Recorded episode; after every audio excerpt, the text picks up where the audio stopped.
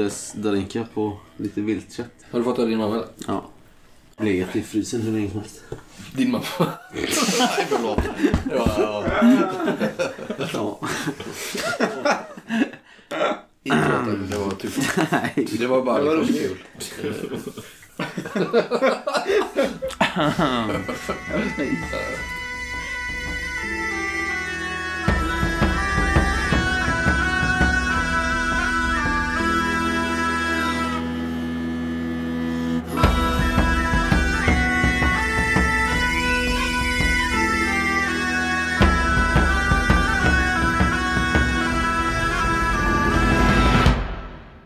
Sådär, då är vi tillbaka igen. Syndikatets podcast med en ny samtalspodd.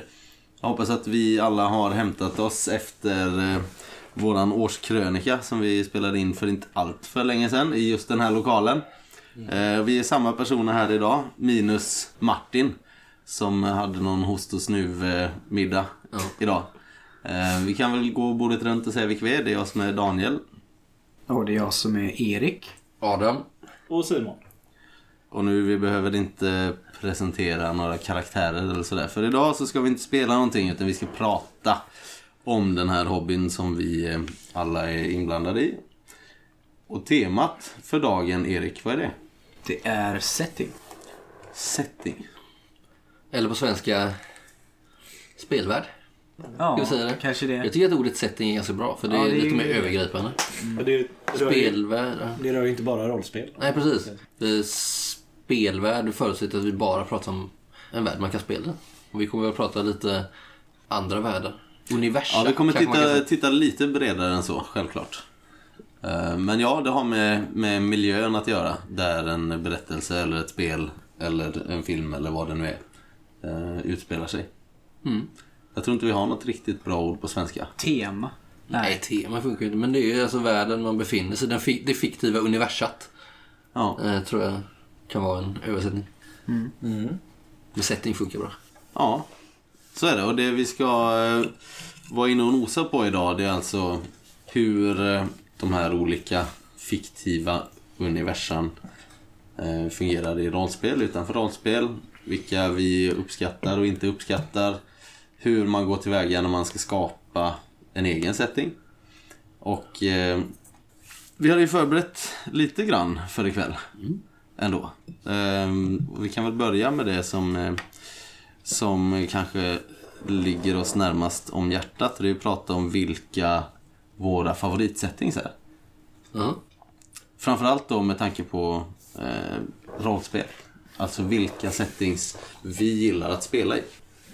En liten brasklapp kan vi säga att det kommer säkert vara massa settings som mm, våra lyssnare älskar som vi inte kommer att prata om. För att, jag menar, vi har ju spelat rollspel i många, många år men vi har ju absolut inte testat alla rollspel. Så det finns ju ganska mycket eh, tomma hål, eller vad säger man, blanka, blanka områden på kartan liksom. Ja, Vi har ju mestadels spelat svenska rollspel. ja det stämmer. Svenska rollspel, men därmed inte sagt att vi inte vet om andra settings. Alltså vi har ju någon typ av eh, kunskap om det mesta. Mm. Eller åtminstone har vi sprungit på det någonstans eller eh, har bildat oss en uppfattning från precis. något annat håll. Kanske har lite förutfattade meningar men eh, Det finns det gott om. Får vi vara tydliga med. Eller? Ja, och sen ska väl tilläggas att vi... Det vi har spelat genom åren är ju oftast inga... Det är ju inga underground-rollspel vi har spelat utan vi har ju spelat de största känns det som. Ja. Och det är väl värt att nämna också. Vi har väl inte testat så mycket... Vad kallar man det? Eh, Indie-rollspel? Ja, indie-rollspel, där är vi väl ganska färska. Även om några av oss har testat en del kanske så har vi hållit oss till eh, liksom the big four eller vad man ska säga. Mm. Och sen har man ju också, vi har ju också spelat ihop ganska länge. Jag och Daniel har spelat ihop sen vi började gymnasiet. Och Simon har varit med och spelat ganska länge. Du har ju varit, eh, haft lite äventyr utanför vår grupp. Eh, och du också Erik när du var yngre. Men annars har vi ju knappt spelat utan varandra de senaste tio åren. Liksom. Nej. Så vi har ganska mycket gemensamma upplevelser. Så det kan ju vara intressant att se.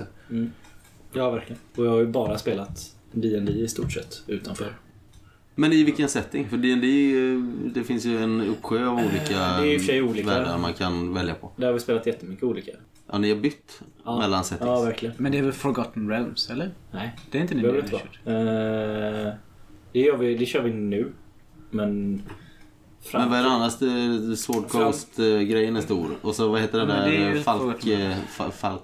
Alltså fram, fram, tills för, fram tills för ett halvår sedan när vi började spela den nya kampanjen har vi nästan uteslutet spelat eh, alltså First Edition D&D Mm. Som alltså är Greyhawk. Just Greyhawk. Eh, som är jättegammal. eh, Det var ingen falk, det var en hög. Ja. Ganska nära. Som är en jättegammal liksom, värld. Och sen har han som Erik som spelade det tror jag skrivit väldigt mycket eget till den Ja. världen. För den, vad jag förstår det som så är den världen från början Greyhawk är ju från början bara ett torn. Eh, Ja, en stor dungeon typ. Ja, en var stor det Alan dungeon. Perrin va? Som... Eh, Nej, det- vad heter han? Eh, Eller? Heter han inte? D&D-fadern. Eh, Gygax. Gygax skrev Ja, väl ja. Greyhawk tillsammans med någon av alla sina... Alltså vad jag förstår det som, nu är jag inte helt... Vi kanske inte ska snöa in för mycket på det här för att våra lyssnare sitter och skrattar. Eh, Nej, men så vi har D&D i olika settings men främst First Edition D&D. Eh, Ravenloft har du spelat det? nej. Det är ju också en sån klassiker som många pratar om. Mest i Greyhawk och sen nu då spelar vi 5th Edition som är ja, Neverwinter och ja, hela den.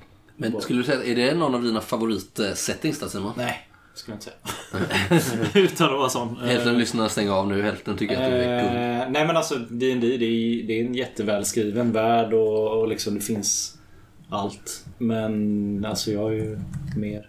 Jag är mer färgad av typ Trudvang och Drakar och Demoner än, än D&D. Jag började inte spela D&D förrän jag var gammal liksom. Det första som kom 77 hette Blackmore, kolla jag vet inte om det stämmer men jag hittade någon timeline. Nej, jag vet fan. Det, det börjar alltså D&D börjar som ett... Om vi nu ska snöa in på Nej, vi behöver inte göra det för det Nej, finns jag lämnar gärna det. känns som alla kan det här ändå liksom. Ja, och det, som bara det, pratar om det, det är de dessutom göra inte Syndikatet eh, Nej. territorium än. Nej. Jag vet inte, vad säger ni andra? Hade ni velat testa att spela i Dungeons Dragons med regler och någon av deras Nej. alla settings? Nej. Alltså jag blev lite förälskad i Sword Coast med Baldur's Gate 1 och 2. Mm. När de kom ut, men det är ju också 20 plus år sedan Men man får ju nästan tona ner det lite. Det är, annars så drunknar man ju i all lore, som det heter. Ja, men är det någonting så- som eh, Dungeons Dragons spelare bryr sig om så Det mycket då? behöver man inte. Alltså, Det känns inte som att det är det stora, den stora lockelsen med Dungeons and Dragons. Eller? Nej, det tror inte jag heller. Alltså folk som är ute efter en eh, fet lore och en fet setting testar nog eh, andra grejer än Dungeons and Dragons tror jag. Mm. Hur som helst, vilken är din favorit då? Eller har du någon, någon du kan säga på uppstuds? Alltså, jag, jag gillar ju Trudvang. Det är det jag har spelat mest. Mm. Uteslutet mest. Kanske ett tråkigt svar, men, men alltså... Nej, jag tycker inte det. Det- Jag tror att det är jättemånga som håller med dig också. Även om många verkar ha liksom synpunkter på Riot Minds eh, Mm, mm. spelskapande och framförallt deras regel, eh, val av regelsystem och sådär. Så, så tror jag de flesta håller väl med om att Trudvang är en ganska stark setting. Mm. I brist på annat ord. Jag kommer på att vi tenderade lite det här när vi pratade om stämning, du och jag och Adam. eh, För typ två år sedan. Och att både du och jag gillar ju Trudvang väldigt mycket så det blir lite återupprepning. Men det var så länge sedan. Eh, Jag håller ju också Trudvang väldigt högt. Men också det att det var det första jag började spela. Men det är inte nostalgiskt på något vis för mig. För att under tiden, ända sedan jag började spela rollspel, det var ju ganska exakt samtidigt som eh, Dodd 6 kom och Trudvang introducerades. Sen så har ju Trudvang växt väldigt mycket som dess. Det har ju kommit eh, världsböcker. Först Stormländerna eller Osthem som den hette, Mittland och sen Vastermark. Så att världen har ju expanderat och blivit eh, allt mer eh, detaljerad, beskrivit många platser. Och det jag gillar med världen är ju liksom eh, dels hur den är beskriven eh, och sen så har man väl en fallenhet för den typen av setting som är, påminner mycket om, särskilt Osthem då, fornnordisk mytologi och livsstil fast med en twist. Eh, där eh, sagomonster får ta en ganska stor plats. En grej som kändes väldigt nyskapande när den kom var att de hade bytt ut orcher mot troll till exempel. Just det, det var ju stort då. Och det kommer jag ihåg att du sa det Daniel, för att vi hade ju spelat kanske lite eh, Dodd, Drakar och Demoner och att du sa så här, den som säger orcher nu när vi börjar spela, den får fan förklara sig för det finns inga orcher. Det är bara troll som gäller. Så det var ju en omställning bara det liksom. Det är ju också då, jag vet inte vad du säger Erik, men Erik och jag spelade ju Drakar och Demoner för länge sedan tillsammans innan vi i den här gruppen Men i. Trudvang-setting menar du? I? Trudvang, Ja. men, men den settingen vi hade då, det är inte alls den bilden jag har av Trudvang. Jag ser framför mig att det var lite mer gycklare från borgen-stämning. Kan man säga. Ja. Ja, men, ja, men lite För att använda så, ett välkänt syndikatet-citat. ja, men för, för, för att försvara så var det inte så att, jag tror inte vi spelade så oseriöst Nej, på det sättet. vi inte. Men däremot hade vi ingen bild av vad världen var. Utan vi bara, ja men vi kör vildhjärta och det är det här och det här. Och sen kör vi snösaga och det är det här och det här. Men vi hade ingen så här, alltså, alltså vikingakopplingen till exempel.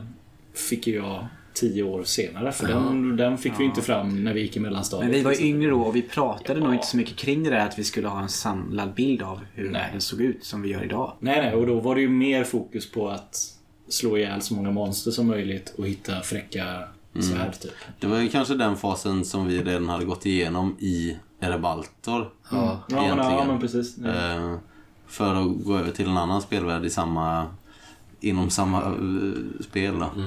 Eh, som ju var definitivt mer av ett lapptäcke. Ja. Utan någon som helst liksom samlad... Många skribenter. Ja, och estetiken var så olika från modul till modul. Det fanns liksom ingen övergripande... Det fanns inget tema för hela settingen. Det var bara så här... Här har du generisk fantasy. Vi är 25 personer som har skrivit en liten bit vardera. Och sen ska man försöka pussla ihop det Ja. lite grann själv. Erevalto kommer ju nu om ett halvår typ. Ny, ny Ny- det. Ja, Jag får bara säga på vilka settings man gillar. Jag gillar väl egentligen inte så mycket vad man kallar för high fantasy. Utan jag gillar den low. Alltså att det, det finns magi och mystik och konstiga monster men att det är liksom nedtonat. Att det, är, man, det byggs upp en spänning efterhand i världen. Eh, Så att man inte stöter på magi var man än går och sådär. Det, Då ska du ju inte spela D&D med andra. Nej, det är ju det. Det är lite tröttsamt liksom att alla är magiker. Ja, men där har ju Det är inte en dessutom... trovärdig värld liksom. Nej, där, där har dessutom spelvärlden på något sätt formats av att det är rollspel som sker i den spelvärlden. Att det ska finnas så här äventyrarmarknad liksom. Eller Mm. ja, du förstår vad jag menar Simon som har spelat det. Det känns väldigt så att det... Ja, alltså i D&D är ju... Magi är ju något naturligt i D&D. Det är ju en av världskrafterna liksom. Alltså... I dd världen så är ju inte magi high fantasy om man säger så liksom. Utan det är ju som... Ja men vad ska man säga? Alltså det är som teknologi i vår moderna värld. Till exempel. Att magi bara finns liksom och vissa kan det och vissa kan det inte. Och man använder magi till alldagliga... Ja, det lockar liksom. inte mig kan jag säga. Nej, nej men det kan jag köpa. I Trudvang, har, I Trudvang har de ju löst det då på så vis om vi ska börja snacka lite om hur man kan så här, forma eller skapa sitt rollspel så har de ju löst det med att Alltså magi eller vitner som det kallas där, den kraften är ju lika verklig i Trudvang som i andra fantasy-rollspel. Men det är ju, vad ska man säga, blasfemiskt. Eh, I, I två av tre världsdelar så är det ju förknippat med i princip utstötning eller dödsstraff. Alltså det finns stor rädsla för det. Där de har lagt in det som en kulturell markör eller vad man ska säga. Att både i Vastermark och i Stormländerna så är det ju väldigt så här. Ja, men jag tror, det var inget nytt. Kanske inte, jag tror men jag det är ett det var sätt ganska att vanligt hantera i, i just magi tidigare. på. Jo, men den just är, den synen på magi i en spelvärld var ganska vanlig redan innan. Okej. Men däremot så tror jag de gjorde det så mycket tydligare Mm. i och med Trudvang än det hade varit tidigare.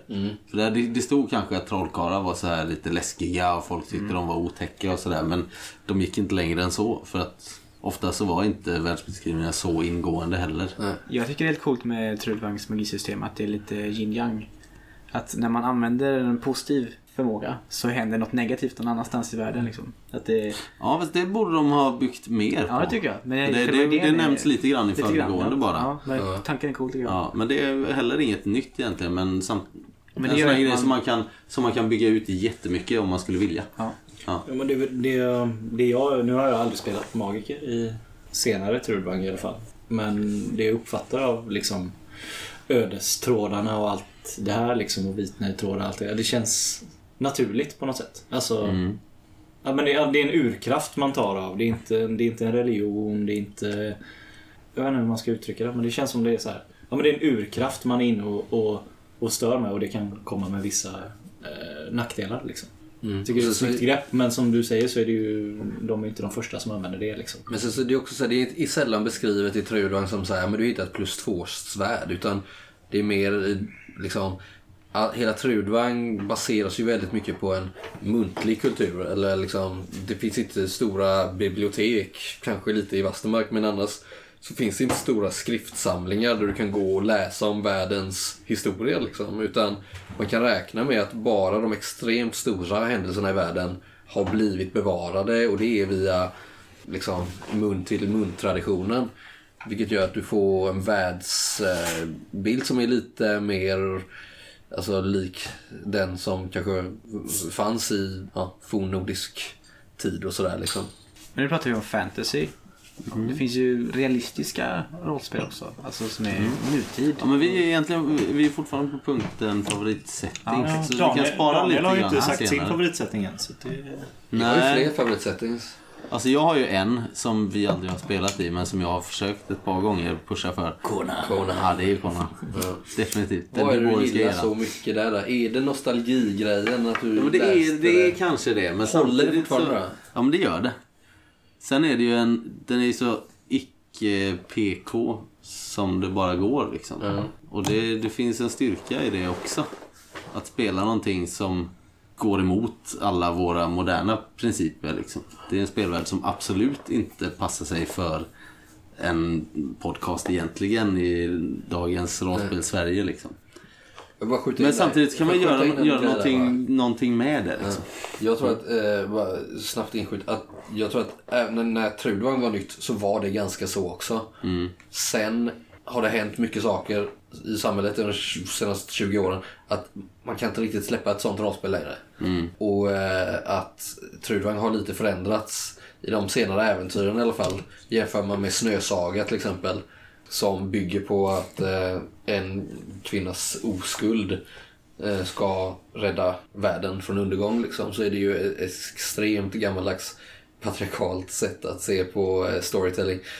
Eh, och jämför man med nyare äventyr så ser det ju inte ut så längre utan då har du särskilt i Mittland då så har du en mycket mer jämställd kultur liksom. Eh, Nej, men just eh, den hyboriska eran. Robert E. Howards Conan-värld. den,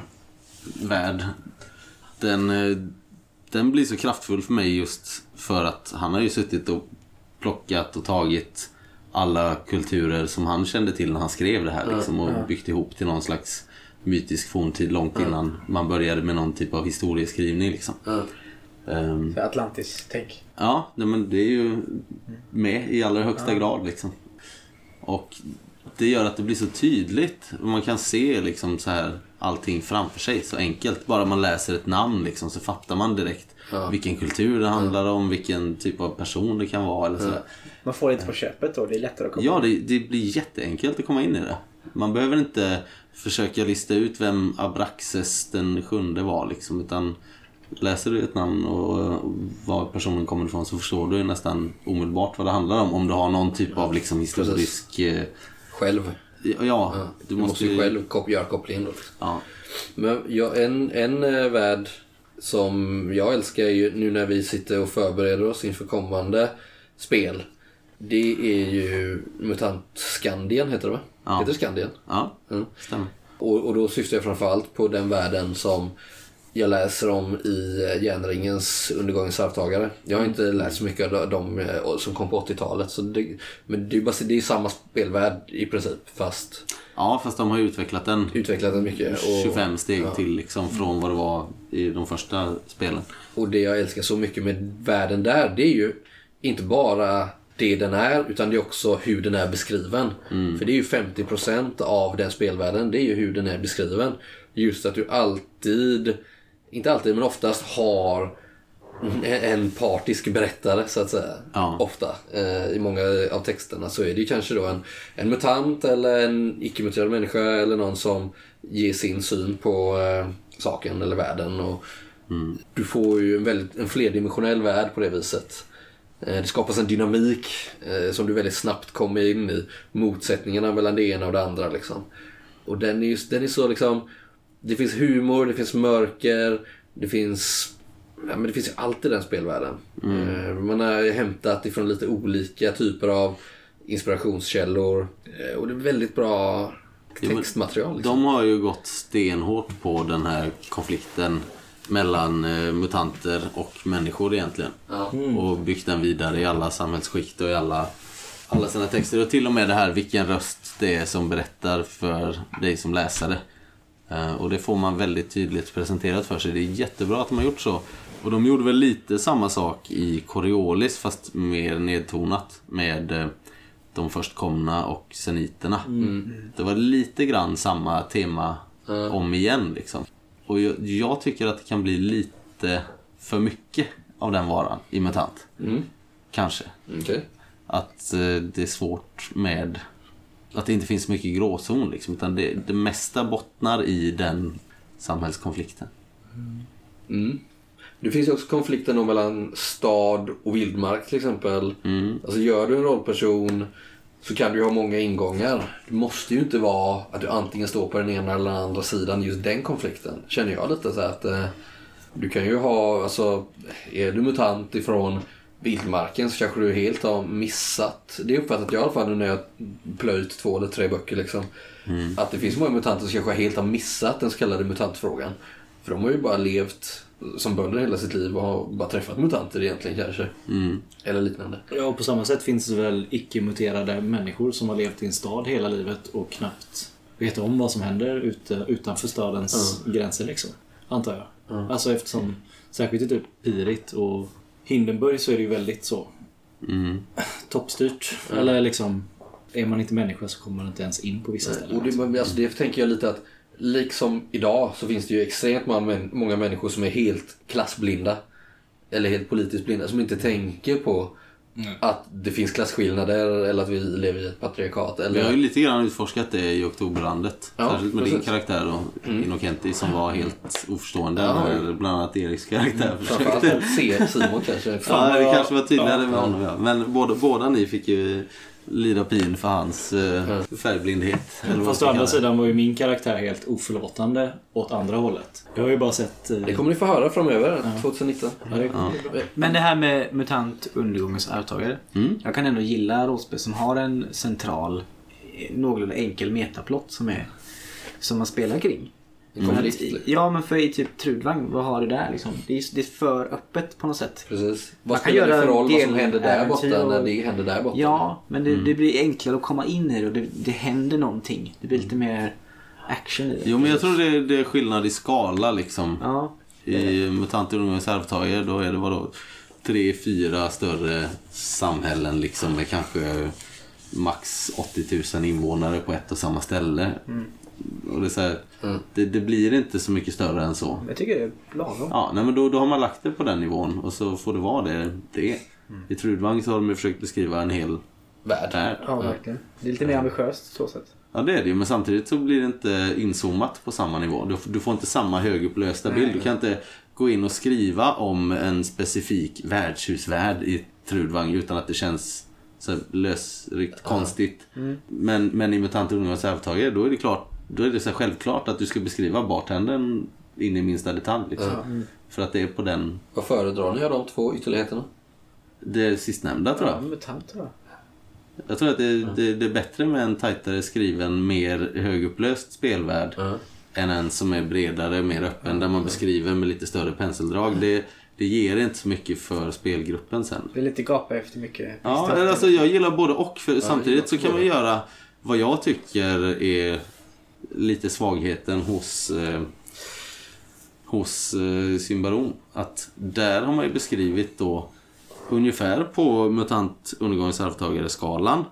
Men man får ju känslan av att det är en värld som är så pass mycket större. Alltså det är ett stort imperium, kejsardöme, som existerar i någon typ av vakuum. För man får ingen information om vad som händer utanför. Ja, men jag så där, är, där är vi inne på den här högupplösta nivån. Men vi får känslan av att det finns något mycket större utanför som vi aldrig får reda på. Ja, men jag tror att de har valt att kompromissa där. Att de har kanske sneglat åt andra rollspel och känt att vi vill ha en lite mer öppnare värld. För att tillåta spelledare att lägga in sina egna saker. Ja, det är möjligt Det att de har en sån baktanke. Men, men samtidigt i, i MUTANT-Skandien så förstår man att okej, det, det finns annat men det är ingen som vet om det. Nej. Och de i, kan eh, inte ta sig dit. Liksom. Nej, och så i Symbarom så vet man att men de måste ju veta vad som finns utanför. För det, det är inga så här naturliga gränser. Nej, precis. det är ingen, Nej, okej. det är lite... Trudor har ju så, visst det är en hel kontinent, men de har ju ändå löst det med att i norr har du isvidda där man inte kan vistas. Och runt resten av kontinenten så är det oändligt hav. Så du kan inte ta dig därifrån. Men det, det finns det ju inte i Symbarom utan där är det så här liksom att visst, kartan slutar bara här. Men vad händer om man går liksom tre kilometer åt det hållet då? Nej, nej men precis. Och det, det finns liksom, det, det finns väl några små grejer tror jag. När jag, vad heter det, korrade Karvosti, häxhammaren. Så tror jag det var lite så här hintar om samhällen. Det var någonting om att man skulle resa genom ett land som var fullt av jättar och sen där ute fanns det en ö. Jag vet inte om de så här flörtade lite med eh, svavelvinter kanske. För det var väl eh, typ De tänkt kanske att har vara... någon skitbra förklaring till det här som vi har missat också. Det får är klart, det, det finns väl förmodligen en tanke någonstans. Om de bara känner att de inte kunde skriva in det. Eller de, de kan inte skriva för mycket korta grejer. så. Men just det, det där vakuumkänslan Ja, som uppstår. Den, eh, den kan jag tycka är lite jobbig. Men det kände väl jag lite när vi spelade Symbarum. Att ja, men man spelar en, som jag spelar en präst från den gamla världen, som jag inte kommer ihåg vad den hette nu. Och vi skulle ju resa över titanerna för att komma till den nya världen. Men jag hade ju typ ingen koll på den gamla världen som jag kom ifrån. För att det fanns inte så mycket information kändes det som om den liksom. Så ska man ändå vara så här, ja, men jag har levt i 25 år i den gamla världen. Ja, jag vet men jag vet inte så mycket om den. Det kanske var vi som var dåligt förberedda eller så. Men det kändes inte som att någon av oss hade speciellt bra koll på den gamla världen som vi kom ifrån. Alltså som vi reste ifrån när vi skulle till... Till... Till Ambre. Ambrien. Men det kanske var vi som var dåligt förberedda, jag har ingen aning. Men, men det kändes lite tunt liksom. Ja, men jag tror att det ligger någonting i det. För det var ju, jag gjorde två karaktärer i eh, Symbarom. Den första var Rese och den andra var en dvärg. Och jag tror jag valde de två just för att det var så svårt att spela människa. För att, var kommer jag ifrån? Nej, det finns ingen information. Var ska jag? Det vet du inte ännu. Det var jättekrångligt. Nej men jag, jag, när jag gjorde ju en präst, det första jag gjorde. Och då vet jag att så här, ja men var ska jag komma ifrån? Var finns det en kyrka liksom? Det var skitsvårt att hitta den, bara den informationen liksom. Bara, var, var har jag varit verksam fram tills att jag flyr över titanerna liksom? Det var lite svårt men till slut hittade jag någon stad som kanske hade en kyrka. För det är ändå ganska nära Ja, i alltså tiden. så här, ja, men det var väl Kulturen gan- har ju burit med sig. Vad sa du? Det är ganska nära i tiden den här... eh, Ja, Mass- det, ja men det är det det jag håller ju menar. på just Så kulturen- när- All, allting som våra karaktärer vet den, när vi kommer till eh, snubben som lurar oss eh, sen med att hjälpa oss övertala. Allting vi vet innan dess är ju den gamla världen. Men vi som spelare Men har inte så sitter vi bra och snackar skit om alla svenska rollspel? Nej, Nej, nej, men det handlar väl bara inte om ge det. våran syn liksom. Alltså, Alltså, jag- jag, alltså, jag tycker att Symbarom är coolt på många Ja, det gör jag sätt. också. Men, Jag eh, gillar det. Men just den här, eh, det här som vi pratar om nu tycker jag är lite av en Jag svaghet. gillar mörkret i Symbarom. Det är liksom eh, dark men- fantasy mer. Jag Ja, fattar men jag, inte. jag har ju nämnt det för er förut. Förlåt att jag avbryter det. Men eh, jag tror att de har sneglat ganska mycket på det gamla rollspelet Gemini. Ja just det, ja, det känner inte jag... Menar du Ja. det här? Ja, det gör jag. Ja, Alltså jag tror, coolt, jag tror att de har sneglat eh, ganska mycket på det. det här Ja, känns som ett precis. sånt eh, rollspel som... eh, Nej, men det, det är precis samma sak liksom. Alver och dvärgar är mörka och primitiva. Eh, Det finns en stark kyrka, det finns en inkvisition som står över allting annat. Det är liksom eh, stora skogar, eh, det är blod och Men hemskheter. det är ett sånt rollspel som de gör eh, nyhetsinslag om att rollspelare går runt och yxmördar folk. Nej, det tror jag inte. Det här är fantasy liksom. Det är inte kult. Men jag minns att det stod eh, i en eh, leksaksaffär i eh, Kalmar-trakten och jag var inne och bläddrade i den boken hur många gånger som helst och jag tyckte det var coolt men jag köpte det aldrig för jag trodde liksom att det kommer aldrig bli att vi spelar det. Liksom. Gjorde du inte heller? Nej, för jag köpte det ju inte. Nej men så kom ju Trudvagn två år senare. Ja, och sen kom ju Symbarom som jag känner då gör lite samma grej. Ja, just det. det. Med lite samma kopplingen. teman. Ja. ja, det var så vi kom in på den. Men där tror jag vi, det finns en väl utarbetad spelvärld som är mer en hel värld. Ja.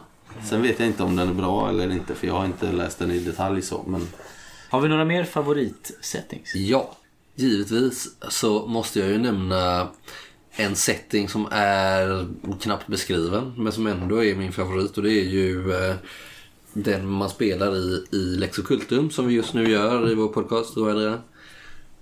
Som är alltså mestadels Europa under 1700-talet, mitten av 1700-talet. Jag gillar överlag historiska settings som baserar sig på en eh, ja, verklig historia så att säga.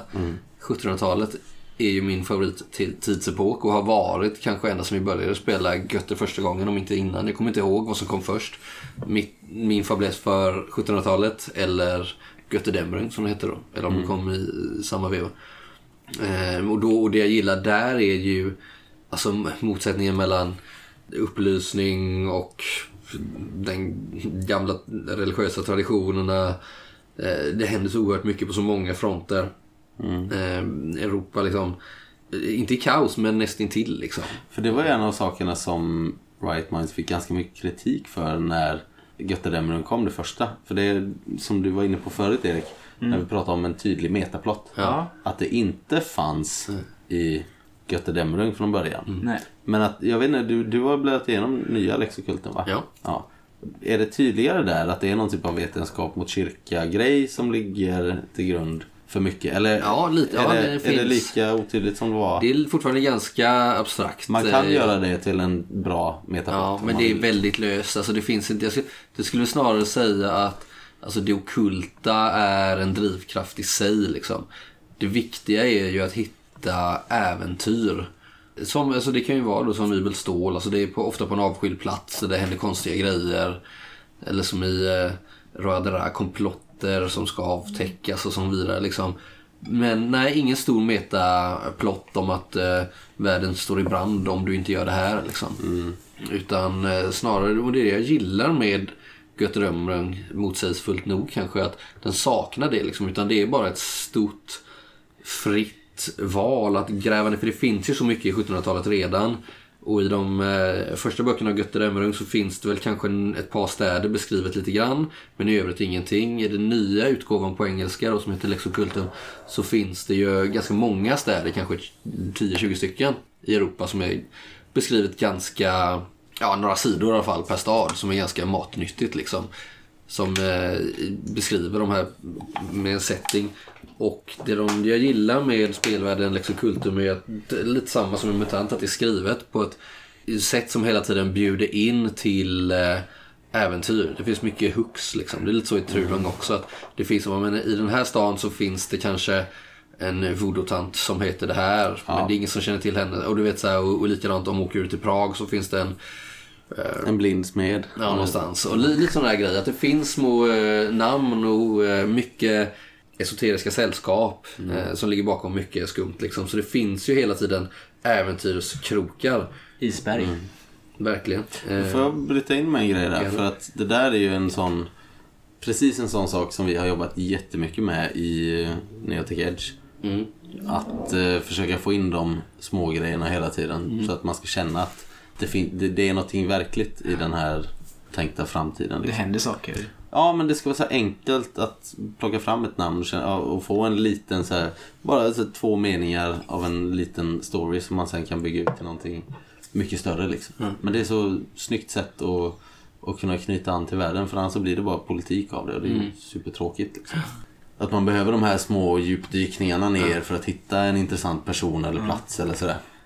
Eh, och det är också när vi ändå är på favoritsettings så börjar ju Pearl River Delta som är liksom utgångspunkten i Neotic Edge bli någorlunda färdig nu. Och där hoppas jag att vi kommer spela så småningom för den settingen är helt fantastisk. Den kommer första, den första av många moduler som beskriver platser och städer och sådär i Neotic Edge. Vi kan väl säga att vi gör en uppföljning på det här om något år och då kanske vi har det med den på listan. Ja, Mm. Vi kan ju prata hur länge som helst om detta. Ja, Liksom. men vi har varit inne och nuddat lite vid frågor som kommer senare också Ja. så vi kanske inte måste... Nej. Vi kanske kan ha det lite lösare idag. Ja. Vad säger du Erik? Har du några fler du vill nämna? Nej, men jag tänker på Lex Occultum också. Mm. Ja, och Götterdämmerung. Vad är det du gillar att göra? Alltså det är ju det här att det är typ historia. Med en twist liksom. Mm. Det är historiskt rollspel. Så det är ju bara lite mer spännande liksom. Så här kunde det ha varit. Fast det är klart det inte var. Men ändå, det blir lite... En grej som jag tycker kan vara lite handikappande med det här historiska.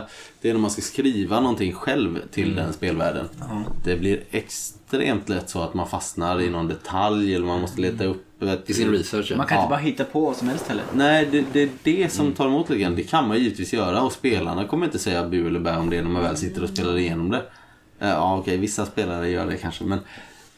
ja, verkligen. Men, eh, Alla vi. men man lägger liksom krokben för sig själv lite grann när man sitter och Ja, skriver det- någonting sant. till det. Att det blir svårare när man har en värld som är baserad på är en historisk epok eller en nutid eller sådär. Som gör att det blir... Det, blir lite svårare att skapa Mm. till det. Ett bra exempel på det är ju när vi spelade Lex Occultum som croissant, Croissangerna, Till ja. exempel. Ja. Bara, Fanns croissanger 1759? Ja. Då kollar vi upp det. Nej, den kom eh, 1772 Ja. eller liksom så här. Bara, Nej, då kan vi inte prata om det. men det det blir kan vi det? Bara, det är klart vi kan för att det här är ingen... Även om det är historiskt så är det inte helt historiskt. Men jag kan tycka så det är en research i sig. Alltså just den. Det kan jag tycka att det är en styrka i sig. För det blir research. Alltså man gör Mm. research. research. Mm. Ja, du, du gjorde ju massa research Ja men jag tror alla gör det. Och man finner inspiration. Ja. Ja, det gör man man, drar ju, man, man kan dra i massa trådar och även spelarna som gör sina karaktärer. På kan tal om hitta- trådar, det var det jag pratade om i nyårskrönikan med vävstolarna. Alltså, Ja. Det är helt sjukt. Ja, men, det är också, men det är ofta när man sitter och skriver. Men men knepet är väl att bara spara det till sen. Eh, när man skriver, att man inte fastnar där liksom. Men det är väldigt lätt att fastna. Ja. Och ta de detaljerna när det blir aktuellt. Och snarare istället tänka på scener, eh, möten. Ja. Och inte fastna i det här. Nej, hur det många det bodde det i Prag? Och hur många bodde i det här området? Och hur såg vägen ut mellan den platsen till den platsen? Mm. Där kan man få lämna det lite och göra det när man är färdig med äventyret. Liksom, kanske. Mm. Men jag måste också nämna Oktoberlandet. Ja, det var precis det jag ville komma in på också. Ja. Som- men, börja, men börjar du? Eh, för jag har en... Jättekul, för den är ju lite svårare att sätta fingret på. Jag tycker ta, det. ta pulsen Ja, på ja, Oktoberlandet ja, är en, knepig alltså. ja, en anledning till att jag tycker Oktoberlandet är en bra setting. Men säg Det du är att du är först. så- vänsterpartist. Säg du först så får vi se om det är samma jag tänker på. Nej men det är väl lite det Daniel är inne på att det var till att börja med så abstrakt och man visste inte var man skulle sätta munnen liksom.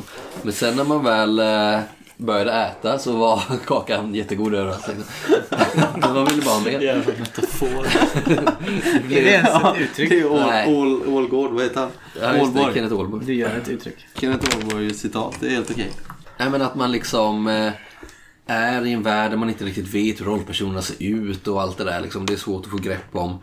Men jag är liksom i en sån fas att jag omfamnar det liksom. Eh, med hull och hår och tycker det är asnice. Och när vi väl gjorde det så blev det ju... Alltså jag kommer ihåg första spelmötet och det andra. Det blev liksom bara, det var ju så magiskt som det kunde bli liksom. Jag, jag tyckte det. Jag hittade min rollperson där, alltså jag tror att Innocenti som jag spelar, tänk på det idag, jag tror han är min bästa rollperson jag någonsin haft. Oj. Ja. Alltså som Vad jag tycker mest om. bästa? Jaha, Som jag tycker gillar. mest om. eh, eh, Och som kanske också kom att bli sig själv så bra han kunde bli. Inte som människa, eller ja, fe. Men alltså jag menar... exakt. Hur många gånger tog jag om det? Martin särskilt. Men finns det liksom något annat rollspel som är lika abstrakt som Oktoberlandet är? Fast Det gör är det säkert, men inte som jag har spelat. Jag håller med om det riktigt. Men det, ja. Jo, det är så mycket som lämnar, alltså när man pratar om hur man skriver, hur man beskriver en spelvärld, så är den, det är det absolut mest litterära spel jag har stött på. Jo, men var det abstrakt för oss när vi spelade? Det är Nej, det nej, det är inte Ja, men det väl blev började. det när vi väl Nej. satte igång. Nej, Men men vi det hade det ju, vi Det hade det ju ganska det stora- många diskussioner innan. Så här, hur ska vi göra med det här? Ja, men det föll sig ganska naturligt ändå. Och det är Exakt. det jag... Det var det som var den stora positiva överraskningen tycker jag. Ja, men det kan du göra. Att det faller sig naturligt. Men det är ändå skrivet abstrakt. Mm, det, jo, jo. Finns det något men det, det, det, är det, är det, jag är för, det är det jag är förvånad över att vi Jag vet inte. landade där. Det gör det säkert. Det finns säkert massa så här amerikanska indie-rollspel som är, tenderar det liksom. För det är Men- ändå ett fantasy... Men just det här, jag har aldrig stött på det som du är inne på där Erik. Att, alltså att vi spelar rollpersoner vars direkta utseende är så abstrakt. Och som också kan tolkas på olika sätt. Det man kan utgå ifrån är ju bildmaterialet i böckerna. Där är ju faktiskt eh, alla personer ser ut som människor. Ja. Med kanske spetsiga öron ibland om de är alver då. Eller liknande. Men det var, det var väl... Ja, det är väl någon illustration i alla fall. Nej, det såg kanske inte ni för det var ju äventyrsdelen. Men där är det ju vid tågincidenten till exempel så är det ju en kentaur Ja, den bilden har jag nog bild, faktiskt sett. Ja, just det. Ja. Mm, men då ser man att det, då är då är det fyra ben liksom. Ja, precis. För det har väl, det har väl diskuterats av skribenten. Eh, nej men att man kan, man kan tolka världen precis hur man vill. Alltså det kan vara super high fantasy då inom, inom situationstecken. Narnia. Att, ja men Narnia. Eller så kan det vara att fen är liksom din själ. Eller liksom, Ja, alltså alla, alla ser hur din själ ser ut men alla ser ut som människor. Liksom, här. För vår grupp så blev det ganska naturligt att vi la fokus på att spela personerna. Ja. Ja. Mm. Jo men verkligen. Och det, Skrivningarna blev... nu, jag tycker inte vi ska prata för mycket om det för att det är ingen som lyssnar på det här har ju hört. Nej men nu snackar vi settings. De kanske har bekantat sig med Oktoberlandet Jo, men vi behöver inte jämföra så mycket med när vi själva spelade menar jag. För att, Nej. Men det jag, det som slog mig mest med Oktoberlandet som jag inte tror, som jag inte trodde innan jag läste det eller spelade var ju jag har aldrig spelat ett rollspel med så stor och stark klasskompass. Eller vad man ska kalla det. Alltså att det är så tydligt. Att det är skillnad på Ja, jag folk. tänkte precis det skulle vara Ja mutant. fast jag tycker inte det är lika tydligt där. Alltså där, där är det, är du muterad Då, det handlar ju också om ras. Det gör det kanske där också, men Ja, man men fattar att det handlar om klass. Ja, alltså det, för mig är ju Oktoberlandet bara klass egentligen. För att så här, ja, är du rå, ja då är du var låg, väl tre lågt klasser, stående. Nej, det var ju typ Fyra. fy, fem va? Fyra. Ja, fyra. Men skitsamma, alltså jag har aldrig spelat ett rollspel. För att alla rollspel man någonsin har spelat har ju alltid haft någon form av klasstillhörighet. Att så här, ja. men alverna de är fina, människorna de är mitten, svartfolk är Och även bland människorna så har det alltid Ja, funnits sån där det feodal det, inre. det har alltid funnits någon form av struktur men det är aldrig, jag har aldrig spelat ett rollspel som gör det så tydligt som Oktoberlandet. Att det här handlar inte bara om, eller som vi spelar i alla fall, så handlar det inte bara om vilken klass du är utan hur du ser ut och liksom sådana Mm. grejer. Det var väldigt mycket som spelade in och det var väldigt så... Sen spelade jag en väldigt hårt politiskt bunden karaktär vilket var jävligt roligt tycker jag.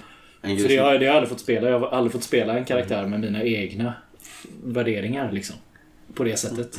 Jag tänker precis som i MUTANT så är det ju, det känns som att i Oktoberlandet så är det ju tanken att det ska vara en del av metaplotten. Mm. Just med klasskampen. Och även i Lexkultum så är det ju inbyggt i världen. Ja. Superstenhårt egentligen. När du gör din rollperson. Vi spelade inte så mycket på det sen. Nej. Nej.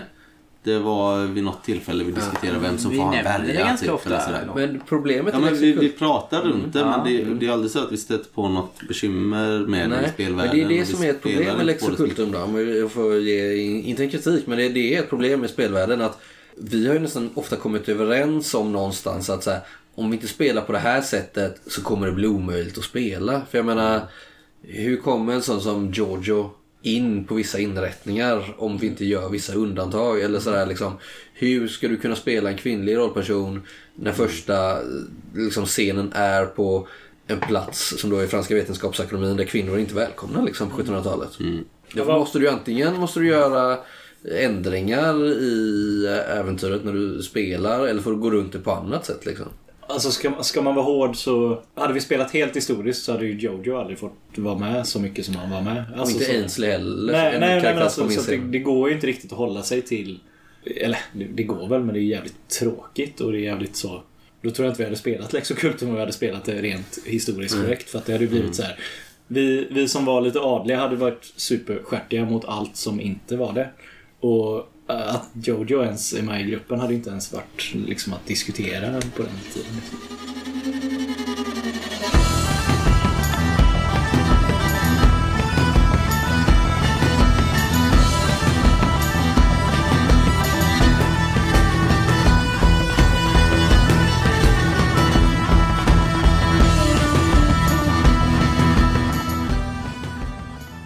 Men med det så kanske vi ska gå vidare till nästa punkt då. Ja! Ja, och då har vi ställt oss själva frågan. Hur kan man interagera med settingen som spelare och spelledare?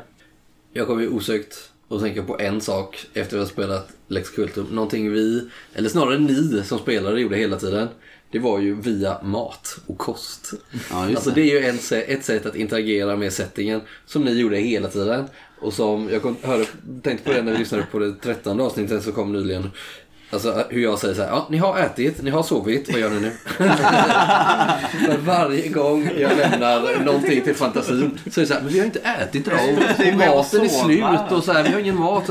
Jag har inte sagt att ni inte har någon mat, men okej, maten är slut. Vad ska ni? Eller, Vi bara bestämmer att maten är slut. Och sen så blir det, alltså restaurangscenen Ja, Varenda På La alltså varenda avsnitt så pratar vi om mat någon gång. Ja, men det är väl inte så konstigt? Eller vad? Nej men det är ett sätt. Ja. Ett annat sätt som eh, du har gjort till en specialitet Daniel. Det var ju redan när vi spelade eh, Coriolis. Fan, jag tänkte precis, ja. Ja, förlåt. Och, och eh, du är ju extremt bra på att återge detaljer i din klädnad. Och ibland väldigt lång tid. Ilhassans eh, klädblogg. Ja, Ilhassans modeblogg. Ja. Eh, sa vi då liksom. Och det har jag fortsatt med. Även eh, hör, känner ju alla lyssnare till som har lyssnat på Casimirs. Jag älskar det här med att idag har jag en grön klädnad. eh, Blommigt mönster. Och med blommigt mönster i en annan grön nyans. Så här, att sådana där detaljer som eh, man kan nästan känna liksom the fabric på dina kläder. Liksom. Jag vet, inte om, om, jag vet inte om det översätts så bra i podden. Eh, om det går fram till våra lyssnare. Men jag tycker det är jättekul. Och jag, när man ser det så tydligt framför sig själv liksom, och ska man försöka förklara det. Jag vet inte, jag tycker det, jag tycker det är roligt. Och det, det ger lite... Det är ju ett djup det. liksom. Det är inte en blå tröjgrej. Nej, Nej. som någon Som någon gång i tiden. Nej, men det är ju, det är ju du och jag väldigt lika eh, när det kommer till att beskriva. Du är in absurdum. Men det är också, det ger ju så mycket till hela spelgruppen och man sätter verkligen en stämning, en känsla. Och det är inte så att du säger samma sak när vi spelar Coriolis som när vi spelar Lexocultum och eh, MUTANT. Utan du är det ju verkligen att du nailar ju det som är specifikt för din rollperson i den här spelvärlden. Liksom. Så det är ju ett sätt som är nästan svårslaget tycker jag. Jag hade ju en annan grej. Eh, när vi spelade Coriolis också. Så var ju du Daniel ganska duktig på att när det kom till tekniska termer så kanske du var bättre på sci-fi än vad vår spelledare var. Så att du interagerar ju ganska mycket med, med den biten tyckte jag då. Ja, men jag tror det handlar lite om att jag gjorde en karaktär som inte var någon stridis. Eh, och då får man liksom hitta på andra saker att Jo. göra när det blir så actionsekvenser. Och det tyckte jag var jättekul i eh, Coriolis just, för då har man så stora möjligheter till det. I ett fantasyspel så finns inte det så mycket. Nej. Nej.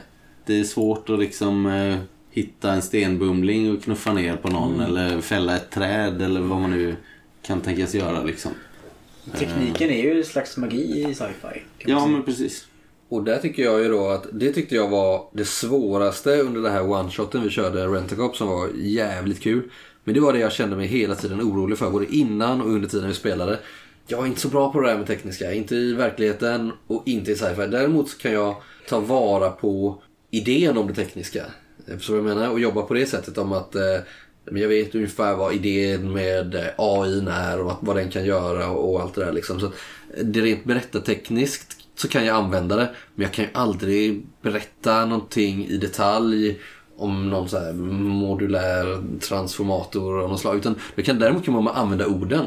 Men det är inte det lite samma sak? som- Jag ju- vet inte om jag pratar om det i podden, men jag har uttryckt för er i alla fall min rädsla när vi började spela Götterdämrung. Att jag är inte är lika bra på historia som vissa. Jag, trodde att du skulle berätta nu att du jobbar med robotar.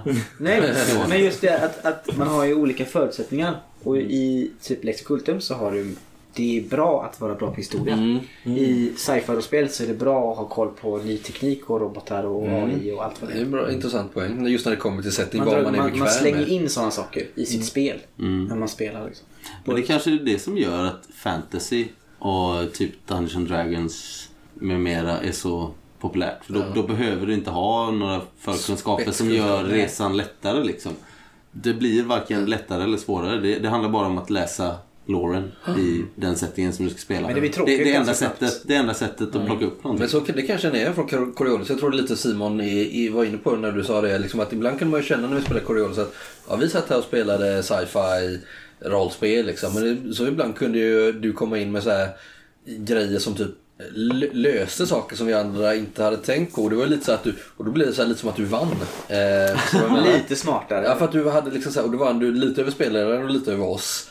På grund av att så här, om jag kan ju den här grejen om den här typen av teknisk lösning. Och då blir man så här, ja just det, det är, det så vi ska På ett sätt spela? blir lite metagaming. Ja, kanske. Ja, men det kanske var lite mer tävlingsinriktat. Fast det var ju väldigt sällan det var något livsavgörande utan det var ju mer day to day grejer eller liksom så. Ja, kanske. Ja, kanske. Det- ja. Det, var, det var ändå kul. Det var jätteroligt. spela Coriolis. var väldigt kul. Ja. Ja. Kanske vi borde... Nej men vi kanske borde besöka den tredje horisonten igen i framtiden. Martin är sugen på det. Ja, jag är det också känns som på att det är så många som har gjort det där. Kanske om fria ligan släpper eh, Atlas 2 eller 3 eller vilken det nu är. Med eh, pelarkvadranten. Med pelarkvadranten ja. Då blir det kul. Då måste vi nästan göra en, någon grej där. Ja, det måste eller hur? Det är som ni har skrivit den, du och Martin. Men först har vi Neotech Edge, tänker jag. Ja. Om vi nu Det är mycket nu vi ska göra. spela lite mer Ska vi sci-fi. hinna med allt? Undergångens arvtagare och Mjödlapp. Mm, Tåtepp. Jag kan inte uttala det, jag tänker inte ens försöka. ja. Ska, vi, ska, vi, ska vi toucha på det också? Lovecraft 1920. Ja, just det. Ja, Det har vi inte nämnt. Det är ju en setting som är... Vi, vi har ju aldrig varit i den settingen. Och du har ju spelat, Simon, du har ju spelat Call of Cthulhu, men aldrig i 20-tal. Nej. Så ingen av oss har ju så här, Vi alla har väl, jag har läst eh, flera noveller av eh, Lovecraft. Jag har spelat i den världen. Och 20-talet har ju den charmen att, om man utgår från USA då liksom, där man kan spela mycket, är ju att du har ju dels det här swinging twenties. Roaring va? The Roaring Twenties, förlåt. Eh, som du har i The Great Gatsby liksom, och hela den biten. Men så har du ju också spritförbudet som trädde i kraft 1920 eh, och varar i 14 år. Ja, Den så har du ju alla efterdyningarna av första världskriget. Exakt. Att Som, är, som man kan göra jättetydliga och starka. Om man Och som- känner för att spela på det. till en början kanske gör folket så överoptimistiska och glada men som sen leder in i en jävla depression. Liksom. Och så samtidigt den här upptäckarlustan och liksom mm. Utforskarandan från 1800-talet som fortfarande lever kvar. Liksom. Verkligen. Och det är det jag tror att det är väldigt viktigt för att Plus alla motsättningar i... Förlåt. Men plus alla liksom, eh, motsättningar i samhället mellan olika grupper och så. Att det är det som kan vara eh, vä- väldigt viktigt när man spelar för att det ska bli kul att spela ett spel som Call of Cthulhu. Eh, Vi talar om lite det här med eh, vilken typ av rollperson man väljer eh, och det vi pratar om i nyhetspodden med att vara bromskloss etc. Så jag tror att det är jävligt viktigt att man i Call of Cthulhu spelar en sån här person. Nej men en sån, så det kan man ju absolut vara också. Men det du, det du säger, det som kännetecknar perioden, det här med framåtrörelse spela en galen jävla reporter någonstans i Australien som är på, eller på jag vet inte, olika ställen i världen och att man vill ju ha det där drivet. Annars kan Cthulhu bli eh, lite svårt tror jag. Men det måste ju finnas en nyfikenhet, någonting som pressar vidare. Liksom. Antingen så får man ju vara lite så här. Robson måste vara lite galen när man börjar för annars så kommer de bara vända ryggen åt alla konstiga saker som händer och inte utforska det vidare. Fast det där är ju en förutsättning i, i nästan alla rollspel. Det måste ju vara... Ja fast ibland så kan du bygga en Ibland karaktär som de liksom något. tvingar av plikt. Typ Ristur Svarte. Som kanske var, liksom, hade ett öde som hängde över honom hela tiden. Som, Ja, som okej. blev tvingad av det. Han hade ju ingen så här... Han var ju inte nyfiken eller sugen på äventyr. Han gjorde ju det som skulle göras Precis. hela tiden. Eller hur? Det var ju det som motiverade honom. I, i, precis, I Call of Cthulhu så förutsätts det väl, det förutsätts inte men det är en stor fördel om du kanske är då alltså journalist eller arkeolog eller du kan vara kanske musiker eller poet eller vad som helst. Någon som har något jävla driv i dig. Ehm, tror jag. Ja. Ja, det ska bli coolt i alla jag bara fall. tänkte, jag vet inte vilken punkt vi är på nu, men jag, jag ville säga det förut, men det här med realistiska rollspel. Mm. Vi har inte spelat så mycket. Vi har spelat lite Syndafloden och jag, jag har spelat lite genom åren. Då har ju de känts eh, nästan exotiska. Ja, man är inte van att spela, man spelar fantasy för att det är någonting annorlunda än vardagen. Eh, men när man sen byter och spelar ett realistiskt rollspel, då blir det nästan främmande. Ja. Så det är spännande i sig liksom. Nu, nu har jag inga superförmågor här, jag är en vanlig person. Hur ska jag göra när det kommer det här hotet liksom? Så det känns ganska kul. Men det, det känns som att det är, för vår spelgrupp så är det mer, det är one shots. Eh, man kanske inte ska spela det långa kampanjer. Blir det för jobbigt typ eller? Jag vet inte. Det, på något sätt så är det ändå, vi håller på med fantasy. Och lite science fiction överlag. Och lite historiska Ja, sätt. det är det som vi tycker är kul. Typ. Ja. Nej, men det, jag, jag tror också att det är lättare att bygga en stark story i en uppdiktad spelvärld än en, eh, en som är baserad på våran nutid. Liksom. För då det blir så mycket mer mångfacetterat. Om man ska spela idag, liksom, i modern tid, nu.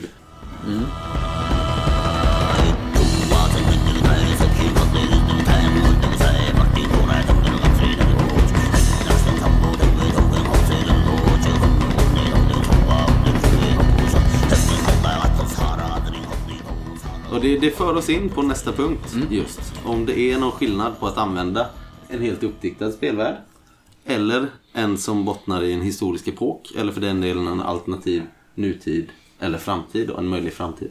Och jag tror att det som vi nämnde nu, det, just den här anknytningen till karaktären också. Det blir så mycket verkligare om det är en person i vår värld. Ja. Om vi spelar Syndafloden då som är någon typ av Nordic noir historia. Eh, så, så blir personerna så mycket mer verkliga. För då tänker man att ja, men jag kanske har en morbror som heter Gunnar. Ja. Så det, det är helt realistiskt och han behöver inte vara drakjägare liksom. Eller, eller vara magiker precis. uppflugen i torn för att det ska bli intressant. Han kanske är biodlare på allvaret. Ja. ja, och det blir ju ja, extremt eh, tydlig bild. Och jag kommer ihåg både du och, nu, nu har ju ni alla tre testat Syndafloden liksom.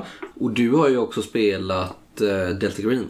Som är, det är inte alls eh, samma sak men det är liksom fortfarande nutida kriminalgrej. Fast skillnaden är väl att eh, det finns ingen lore i Syndafloden då. Men det, det ni alla uttryckte är att så här, jag kommer ihåg när vi spelade Syndafloden första gången, du och jag och Daniel Simon. Att vi alla upptäckte att det var ganska obehagligt på något vis. För att det var så här, det var på riktigt och vi spelade i Göteborg och vi satt i någon sån här eh, nere vid eh, Ringön i någon lagerlokal där och ni hade eran eh, lilla sån här minibyrå där. Och det var så här, jag vet inte, det var, det blev otäckt på något sätt. Alltså, så här, för att det var så eh, nära. Verklighetstroget. Ja, Jag, jag lyssnade ju på detta när ni har spelat in det. ja, just det. Tyckte det var väldigt gripande. Ja, det var det faktiskt. Nu kanske jag går... för Jag kommer inte riktigt ihåg men jag kopplade väldigt mycket Men det tror jag är, du har sagt. Men jag kopplade väldigt mycket till eh, när vi spelade Syndafloden med det försvinnandet i Portugal. Ja, just det. För jag hade precis läst Sigge Eklunds bok eh, In i labyrinten. Mm. Som är ja, men en skönlitterär historia om Maddie-grejen fast i Sverige typ. Så den här var flickan, alltså Madeleine som försvann Ja, till som Portugal. fortfarande är eller- försvunnen. ja. Eh, Hon försvann från ett hotellrum när föräldrarna satt på en restaurang 100 meter därifrån typ. Och ingen vet vad som har hänt med ungen liksom. Mm. Så jag var nog ganska färgad av att jag precis hade läst den boken typ. Så det var ju det jag tog in av den världen. För det handlar ju också om en försvunnen flicka och liksom, ja. Och då kommer jag faktiskt tänka på en sak som är ett annat sätt att interagera med spelvärlden. Det är att låta sin rollperson eh, vara smått besatt av någonting som är typiskt för spelvärlden. Så är det ju, det var ju precis det din rollperson gjorde, Stefan Källvik. Att han var ju besatt av ett försvinnande av en flicka, inte Maddie då, men en ja liknande men det ju, historia. liknande liksom. Och att du hade blivit besatt av den historien och alltså så här, barnaförsvinnanden är ju ganska typiskt för syndafloden som eh, setting. Och på samma vis, ja men som att Innocenti, det här blir ju en löjlig jämförelse, men han var ju besatt av den här jävla fankårssoppan. Som då på något sätt blir typisk för eh, Oktoberlandet. Liksom. Ja. Eh, Gerard var ju besatt av i sina romaner, 1700-talsromaner, eh, liknande saker. Och ja, Hassan besatt av sin moderblogg. Nej men du vet att man, att man låter sin rollperson vara besatt av någonting som är typiskt för spelvärlden tror jag kan vara ett sätt att interagera. För att knyta tillbaka till föregående punkt liksom. Jag har en grej som jag har tänkt på nu och det är att när man spelar närmare sin egen vardag eller sin egen verklighet, sin egen hemmiljö så att säga. Så blir även de små problemen mycket större liksom. Mm, sant. Man Det skämtar behöver- inte bort dem bara liksom. Nej men det, det, det kan vara liksom att karaktären kanske dricker lite för mycket. I Trudvang så hade vi Brock då. Han drack mycket, det var, det var kul. Får inte tala om Gerard. Eh, För att inte tala om Gerard på Men, men 1700-talet. där skojar vi om det. Ja, precis. Men Då är det lite roligt. Om eh, Stefan Kjellby eller... Eh, Källvik. eller eh, vad, vad hette min karaktär? Tarmo, Jarmo, nej, Tarmo Ilves. Tarmo Ilves. Om han liksom gör då blir det mycket mer verkligt. Ja. Då, ser, då vet man att det här, det här kan ha ganska svåra följder. Liksom. Och scenen när han gick och slängde sin whiskyflaska i, eh, i älven blev ju jävligt stark just därför. Men vi borde spela färdigt där och släppa det känner jag. För att som det är nu kan vi inte släppa det för vi är mitt i någonting. Det jag ville säga i alla fall är att även de liksom små katastroferna, de personliga katastroferna blir så kännbara när man är i en, en nutidssetting jämfört med om man kör fantasy eller sci-fi. Då, då är det liksom en planet som förintas eller eh, det är en hel landsända som går upp i, i, i rök. Liksom. Men bara en sån sak som att i, när vi spelade Syndafloden så spelade jag en polis och du var en ex-polis som var privat. Men han har aldrig varit polis. Han var väl någon typ av IT-snubbe. Ja, Ja, men skitsamma. Båda hade i alla fall en liksom... Det enda de brydde sig om var jobbet då. Inom, liksom, det enda vi gjorde. Och det, alltså, i, I nutid så är det lite så här deppigt att så här, det enda du bryr dig om är jobbet. Men i typ Trudvang eller i Götter så är det så här. Det är ganska rimligt att det enda du bryr dig om är ditt... alltså i Trudvang är det inte ett jobb men alltså är du krigare så ja, då är det det du bryr dig om. Att, att, Men det är ju det det, han- det, är väl det det handlar om. Liksom. Så att det, ja, på ett sätt är det ju, eh, jag vet inte om det är svårare, men det är kanske jobbigare att sätta sig in i en nutidsmänniskas huvud. För att du vet, man, man intalar sig att man vet hur folk funkar liksom. Men det räcker ju med att du går några år tillbaks så kanske vi inte riktigt vet det. Och där brukar ju du och jag, Erik, ha lite olika åsikter. Så det räcker ju, går man ju tillbaks till typ romartiden så är det ju, eller vikingatiden, du pratar vi mycket om när vi spelar 832. Som på tal om det är ju en värld som är ganska svår att sätta sig in i eftersom vi inte har så mycket att gå på rent Nej, han berättar ju historiskt. ingenting. Nej, vi har ganska...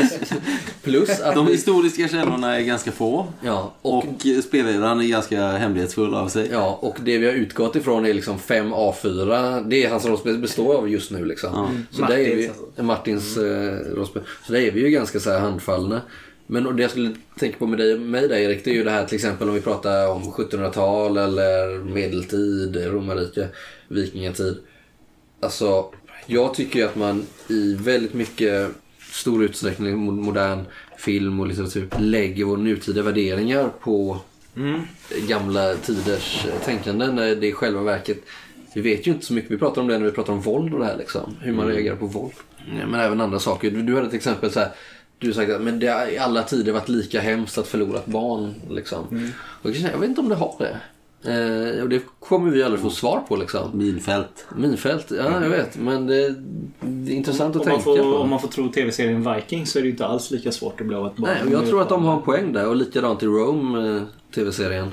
Så att att de två tv-serierna är ju väldigt bra just på att lyfta fram den här saken som alla andra tv-serier tar för givet. Liksom, att ja, men vi har alltid tänkt på samma sätt och känslor har inte varit förknippat med normer. Utan det är någonting som finns i människan. Men jag tror att det kan vara väldigt förknippat med liksom, eh, samhällets påtryckningar av hur du bör tänka och känna. Om du vet liksom att nu ska, jag, nu jag, ska vi få ett barn, det är liksom en fjärdedels chans att den överlever. Så har du ju andra Borde man inte vara mer fäst vid barnet om det bara finns en fjärdedels chans att det överlever? Liksom? Jag, vet inte, jag tror det var en invändning senast också. Men Eller tror att, så har man liksom skapat någon typ av distans redan innan barnet föds. Liksom. Man vet med sig att det här kanske inte kommer vara så länge. Och så har man byggt upp någon typ av rustning för det. Eller, Ja. jag vet inte, och det där kommer vi aldrig få svar på. Det viktiga tror jag är att fokusera på den individ man väljer att spela då liksom. Hur viktigt är det för den personen? Och istället för att tänka i det här stora perspektivet. Eh, Men jag tror faktiskt att det har sett annorlunda ut. Liksom. Har du ett helt samhälle som tänker på att som är på vikingatiden kanske att det viktiga är att komma in i Valhall och att utmana gudarna och visa dig viktigt i deras ögon. Så kanske saker som lycka och välmående inte är lika hög prioritet. Och att du kanske inte har samma starka band till din familj och dina barn som vi hyllar i vår nutid. Liksom. För det finns ju inget större och högre än dina barn. Liksom. Jag tror inte det har alltid sett ut på det viset. Och det är ju en stor utmaning när man spelar rollspel. Absolut. Men det är det ju alltid oavsett setting. Alltså att släppa sina nutida värderingar och faktiskt försöka gestalta den rollperson som man har valt så bra som möjligt. Det- Och det tycker jag är det roliga med. rollspel. För annars blir det ju att samma historia berättas om och om igen. Liksom. Mm. Om alla rollpersoner och alla tidsepoker har samma värderingar, samma känslomässiga klangbotten. Liksom. Men lite får, måste man ju ha, ha med. Annars så känner man inte igen sig i berättelsen. Det blir ju... Nej precis, du får ju välja vissa delar av dig själv kanske. Såklart, annars kan du du är får- för lyssnarna liksom. Precis. Om man inte känner igen någonting. Mm. Nej, du kan, det är svårt. måste- Jag tror att det är ganska ointressant att spela en psykopat. Alltså som är helt...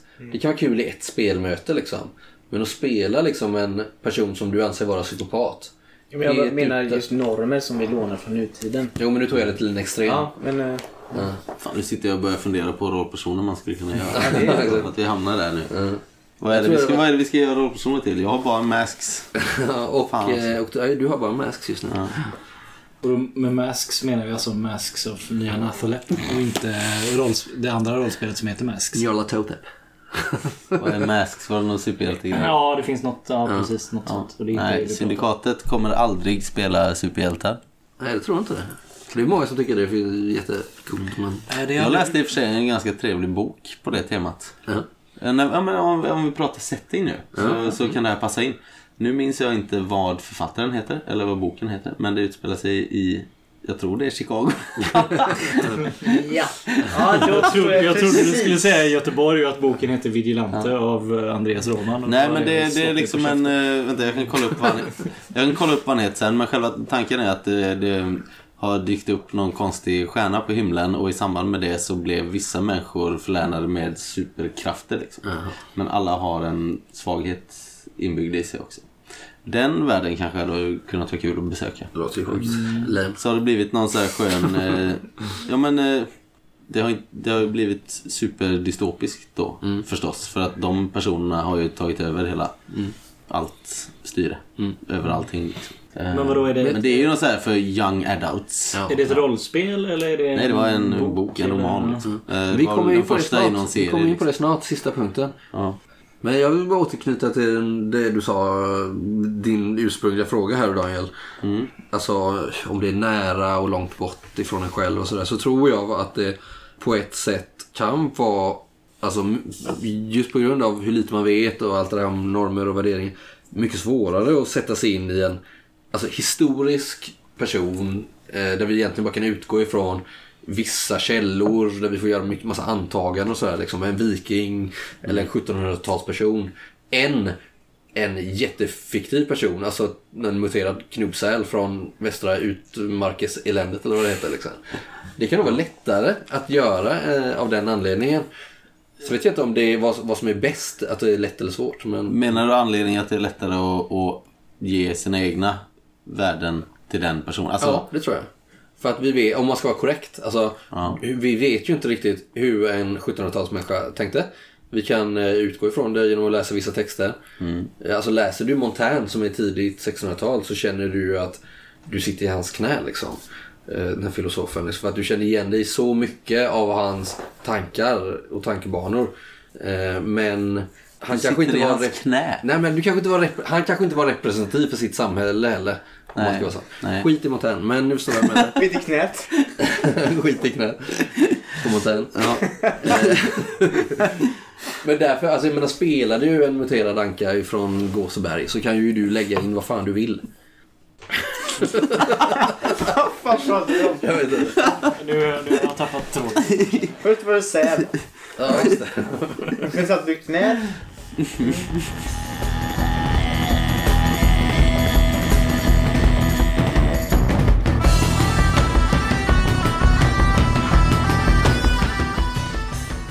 Ja, nej men vi, eh, vi kan fortsätta. Ja, det. det känns som att vi nöjer oss där med sälar och ankor och så vidare. Eh, om vi då ska skapa en bra setting själv. Vi har ju nämnt Syndafloden, vi har nämnt 832. Vi har inte nämnt Nidarvöllum än, nu har jag gjort det. Mm. Men du har varit inne mycket på Neotech som du har varit Ja, vi, eh, har- vi har snubblat lite på Neotech. Så vi, flera av oss håller ju på med det här liksom att bygga spelvärldar, bygga settings. Liksom. Och vi, jag tror att vi tycker det är kul. Det är ingen av oss som har pluggat på eh, den här folkhögskolan som skulle ha någon kurs om det här. Rollspelsskapande eller vadå? Nej, Världsskapet. världsbyggande. Jag kommer inte ihåg vad de kallar den. Men det var på någon folkhögskola någonstans de skulle starta en kurs i det. Eh, jag tror inte någon av oss kommer åka dit. Eller? Vi har lite annat Kommer att dit och föreläsa någon gång. Det hade varit kul. Eller? Vi får hålla en föreläsning här istället. Ja, men om vi går igenom det här fort då. Ja. Om man ska skapa en bra setting själv, Mm. Vad man bör liksom tänka på. Oj. Ja. Jag tror att alltså, det vi har nämnt som många av de här rollspelen som vi tycker om har gemensamt. Det är ju, om man, om man börjar i den änden, det är ju det här eh, alltså tilltalet. Nu är vi inne på alltså rent berättarteknisk nivå egentligen. Liksom, att så här, låta tilltalet ligga hos eh, kanske fiktiva personer, i alla fall delvis. Eh, kanske inte när du går igenom regelbitarna av det, liksom, men när du går igenom världen. Att det, det finns en tjusning med att låta eh, ordet ligga hos fiktiva karaktärer ur spelvärlden. Att det ska vara en ja. diegetisk Ja. berättare. Alltså det ska vara in-game. Ja, typ. För då får du känslan av hur man talar, vad är det för, liksom, vad är det för lingo som gäller. Det är också ett sätt att interagera för övrigt i spelvärlden, är ju att använda sig av en viss typ av språk. Liksom. För att promota lite då kan jag säga att Neotech Edge har tagit det här till sin spets. Sätt, ja, verkligen. Allt i eh, alla böckerna är ju skrivet på in-game språk. Hur skulle du beskriva det språket? Oj, ja men det är en salig röra av, eh, av ganska svårpenetrerad slang Ja, ibland. Ja, det är det. Ja, ehm, och det kan vara knepigt. Alltså, jag tror att de flesta, första gången de läser böckerna, Erik, det gjorde, ju- lite Erik som... gjorde ju det bra. Ja, det. Många, många perps loggade man. Det låg flera burps man. Ja, ja, det var snyggt. Eh, Men lite, alltså... Men just det här att när man ska läsa igenom regelböckerna första gången så tror jag att man får en Oktoberlandet-känsla. Vad fan var det här nu? Ja. Och sen kanske andra eller tredje gången så kommer det klicka. Mm. Men jag tror att det hjälper till att bygga upp den stämningen som man vill ha liksom, i, spel, i den här settingen. På ett sätt som är svårt att göra med liksom, en så här Precis, ja. Wikipedia-text-principen. Det var det liksom. jag skulle komma till också. Jag tror att en annan viktig sak är att fokusera på liksom så här, att det här är ett rollspel vi ska spela. Mm. Det är inte en SO-bok. Som du, där du måste liksom eh, ange hur många som bor i det här landet, vad har de för kultur, berätta på så här utifrån perspektiv. Utan låta det vara utifrån inifrån perspektiv. Tillåt liksom motsägelser, ambivalens. Eh, Ja, fast det, det är ju en science fiction. Och i det ordet ligger ju att det är science också. Att det finns Men nu menar jag att en, göra- en trovärdighet i det. Ja, men nu menar jag ju att göra en Men- spelvärld överhuvudtaget. Jo, liksom. men om du, det- man vill ändå att det ska liksom gå ihop, om man säger. Nu har jag citationstecken med fingrarna. Det ska inte vara orimligt eh, att det bor så många i den staden och så många Det är klart du kan nämna att det bor Mm. cirka 80 000. Men jag menar, alltså jag, menar att fast, jag kommer ihåg när jag gjorde mina egna rollspel när jag var typ 16-17. Hur dåliga de var. Då var ju det att jag satt ju och fastnade på det var si så många alver där Ah, okej. och alla ser ut på det här viset. De är 1,80 långa och du vet att det gick Nej, igenom nej, så här, det blev så här rasbiologiska termer och det blev så här helt eh, ointressant egentligen. Mm. För vad är det du gör när du spelar rollspel? Du hamnar i scener med Mm. andra rollpersoner och med spelledarpersoner. Det är det som är liksom kärnan av att spela rollspel. Och vad händer i den typen av möten? Att förmedla det tror jag är väldigt viktigt när Ja. du ska spela eller ska skapa din värld. kan väl ta upp, jag vet inte om våra lyssnare kommer säga emot nu, men jag tycker ett rollspel som har definitivt höjt sig lite grann, om man ska säga det, om man jämför gamla E.ON och nya. Så var ju gamla E.ON väldigt så Wikipedia-textigt. Det var många små faktaboxar och sådär om just det här du pratar om. Som kanske är jätteintressant för vissa och kanske svårare att göra något vettigt av i spelvärlden sen. Och nya E.ON då som definitivt går åt det senare. nämligen. Så där har du ett spel som har utvecklats Åt rätt håll. åt rätt håll. Ja, men siffror och tabeller försvinner väl mer och mer. Ja, fast tabeller Det kan vara kul. Ja, tabeller. tabeller kan vara jävligt kul, å andra sidan. Slumptabeller. Men, men då, måste ju de, då måste ju de innehålla någonting som, av det här som vi har nämnt nu. Liksom. Men andra sätt då, som man skapar en bra setting. Var ska man börja? Om, man, om vi tittar på den här eh, upplösningsnivån som vi pratade om innan. Och så ska man börja på liksom drängen i stallet och hans faster. Ska man vara på den nivån? Eller ska man eh, höja sig? Ska man höja blicken liksom över eh, gatunivån och prata politik mellan fraktioner? Eller vill man ha både och? Eller vilken... Men pratar vi om att göra ett, ett nytt rollspel? Ja, ja men, setting? men, men setting, eh, tänk, tänk Nidarvöllum till exempel. Som eh, du vet nå, någorlunda vad det handlar om. Liksom. Ska man fokusera det på en liten punkt i världen och så beskriva den supernoga? Eller ska det vara lite större och bredare? Jag tror att, eh, lite som jag sa innan, alltså, eh, jag tror att så här, börja där det brinner liksom. Och då menar jag liksom börja där din inspiration tar start. Och jag har svårt att tro att det börjar i så stora övergripande svepande saker. Utan det bästa är att börja i någon typ av nyckelscen. Liksom. Vad går det här rollspelet ut på? Liksom? Ofta, jag tror inte att det börjar med att någon sätter sig och ska säga vi ska skriva ett nytt rollspel. Utan all, lika många rollspelare som det finns, nästan lika många spelvärldar finns det uppdiktade någonstans. Liksom. Men tror du verkligen det känns som att döda en drake? Det är liksom nyckelscenen. Kan vara. Eh, För mig är det. Ja, det kan vara mycket väl vara det. Liksom. Ja, ja. Men att du har en scen. Du kan väl säga så här att du ser på en bra tv-serie, du läser en bra bok. Eller någonting, du har en dröm eller jag vet inte. Men det föds en idé om att det här hade varit coolt att spela liksom. Att börja där, och, börja i den då. Bör- Börja där. Skriv en liten eh, stämningstext, en novell. Och sen börjar du bygga ut. Sen kan du fylla i. Och jag tror att när man, har, när man är färdig så tror jag att du behöver både svepande texter och de här eh, detaljerade Det texterna. var lite dit jag ville komma. För jag tror också att man behöver både och. Ja. Alltså, men, att, men att man lägger det stora krutet på det som är mer högupplöst. Mm. Så man börjar mitt i någonstans och så bygger man åt båda hållen. Ja, men så skulle man kunna se på det. Mm. Och låt, eh, låt din, eh, till en början, låt din lust styra, alltså din skaparlust föra spelet vidare. Och försök att inte fastna på de här vävstolarna kanske. Utan att eh, ja, börja där det, där det brinner och där du vill vara liksom. För mig eh, när jag kollar på tv-serier, när jag kollar på filmer, när jag spelar rollspel så är det centrala för mig är nästan alltid eh, orättvisa. Ja, det är bra. Eh, alltså det finns ett ont och ett gott. Det finns mörkret mot ljuset. Det finns... Det finns liksom på något sätt uttalade skillnader mellan Mm. folk och folk. Men kan det vara subjektivt eller? Det kan vara jättesubjektivt och det kan vara väldigt tydligt. Typ Sagan om ringen så är det ju supertydligt liksom Mm. att det är de onda mot de goda. Tycker du men- det? Ska vi ta den diskussionen? Nej men alltså uh, in- intrycksmässigt så är det väldigt tydligt att alverna och människorna och dvärgarna det är de De fria folken. det fria folket, de goda. Och så har du Saurons arméer som kommer från mörkerlandet allihop. Alltså så här. Sen kan man ju diskutera om det är Ja, det ont. filosofiskt. men, men, men, men, men för mig är det väldigt centralt att det finns... Wittgenstein har en intressant teori.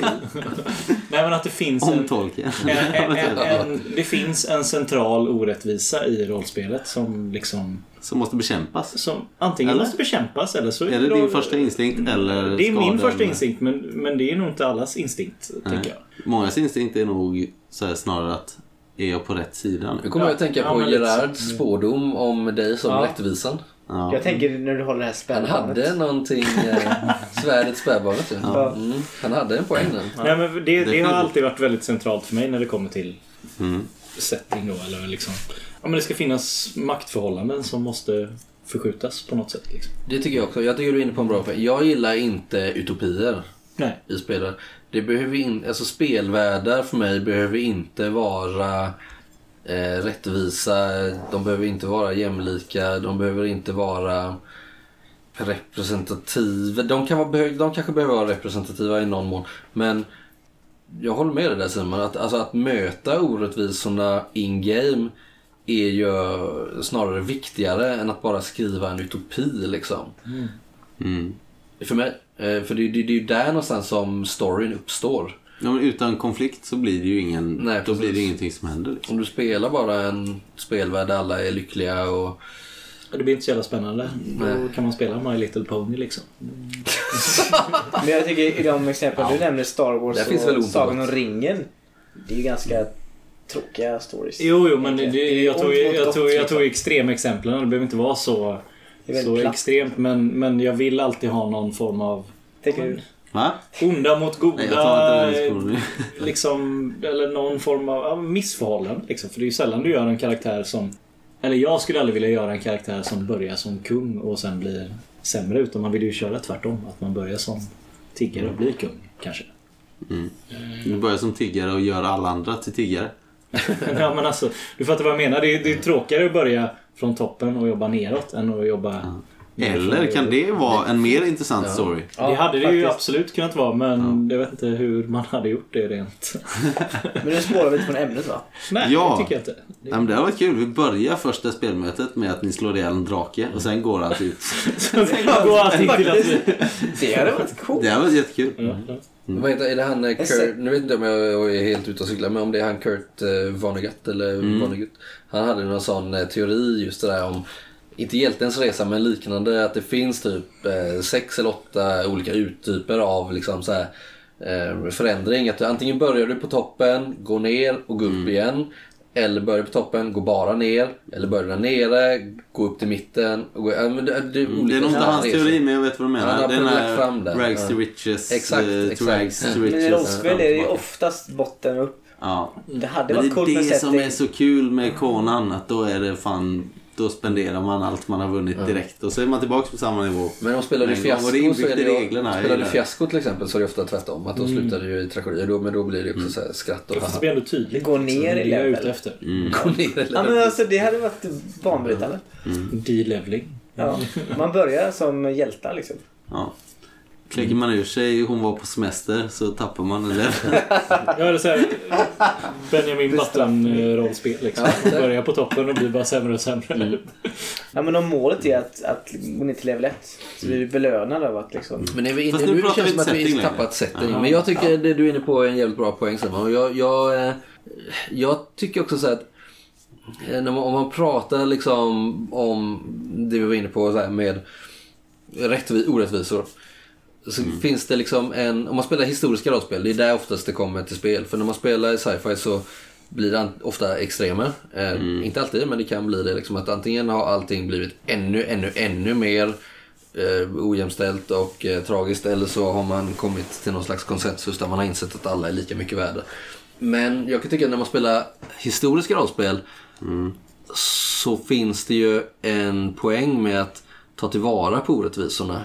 Både liksom det postkoloniala arvet, vi kan prata genus, vi kan prata eh, olika typer av eh, klasskillnader och så vidare. Liksom.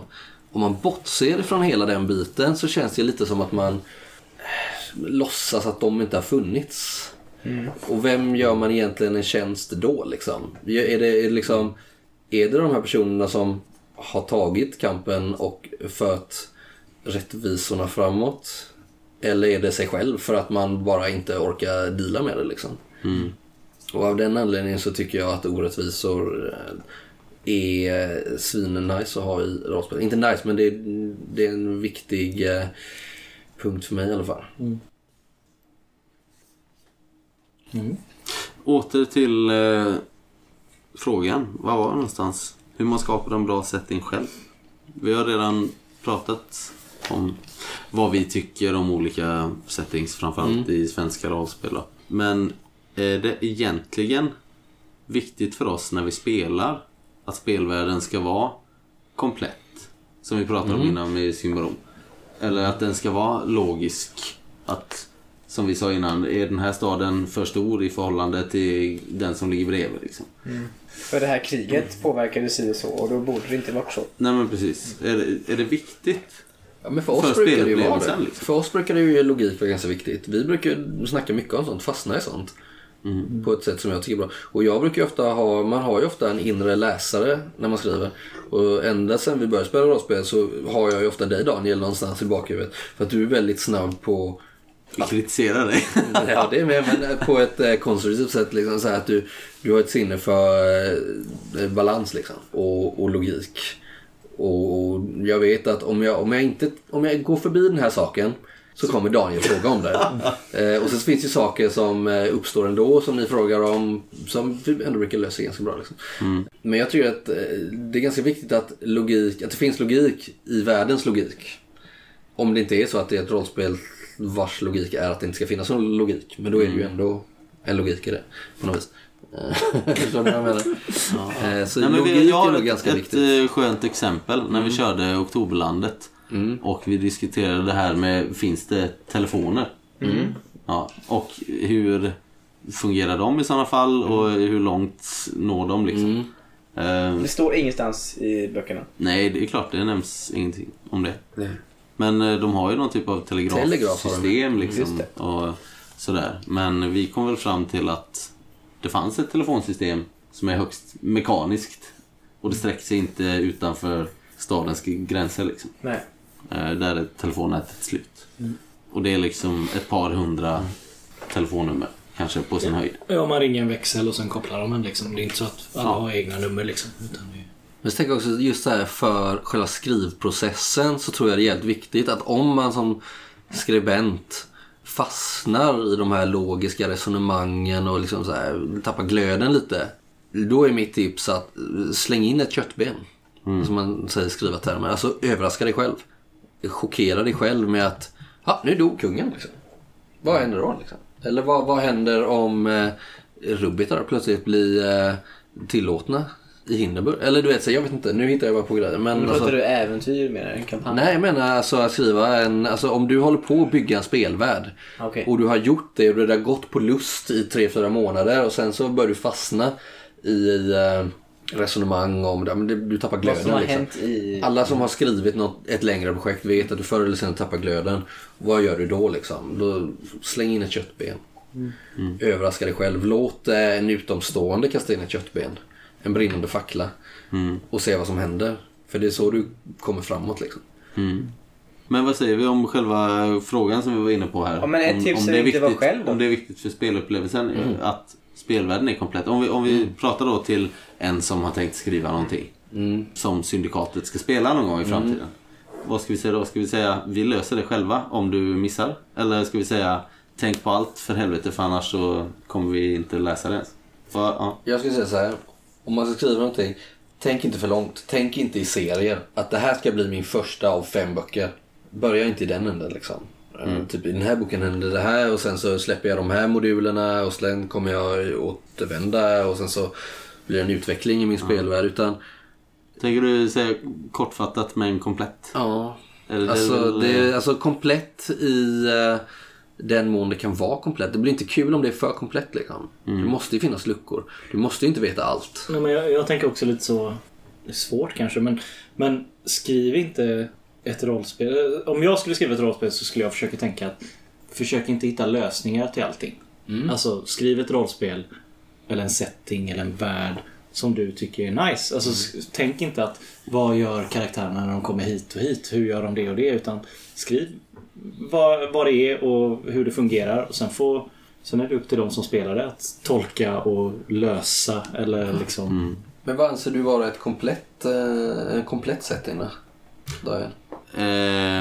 För jag menar, om du skulle göra en komplett beskrivning av vår värld, det skulle inte räcka till med sidor liksom. Eller, förstår du vad jag menar? Nej, jag förstår det. Men eh, det jag tänker på framförallt är ju om man ska tänka igenom varje liten grej om interaktioner i spelvärlden. Eller om det ska få lösa sig organiskt sen hos spelgruppen. Liksom. Alltså jag tänker på såna här relationskartor som var vanliga en gång i tiden. Liksom. Vem som tycker vad om vem liksom, och såna här saker. Är det intressant? Är det...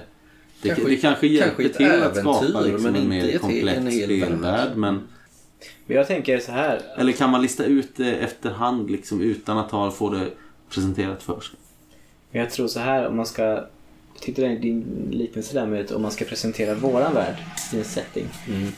Hur hade man gjort det på bästa sätt? Det kanske hade varit att presentera så här ser livet ut i Göteborg. Och sen ge hintar om omvärlden med extremer i USA och liksom, där man vet mindre och mindre ju, ju, ju längre bort man kommer. Men att det finns relationer att, att man kanske får fylla i luckorna själv. Jag tror inte det går att göra ett helt, en helt komplett spelvärld om man ska vara sån.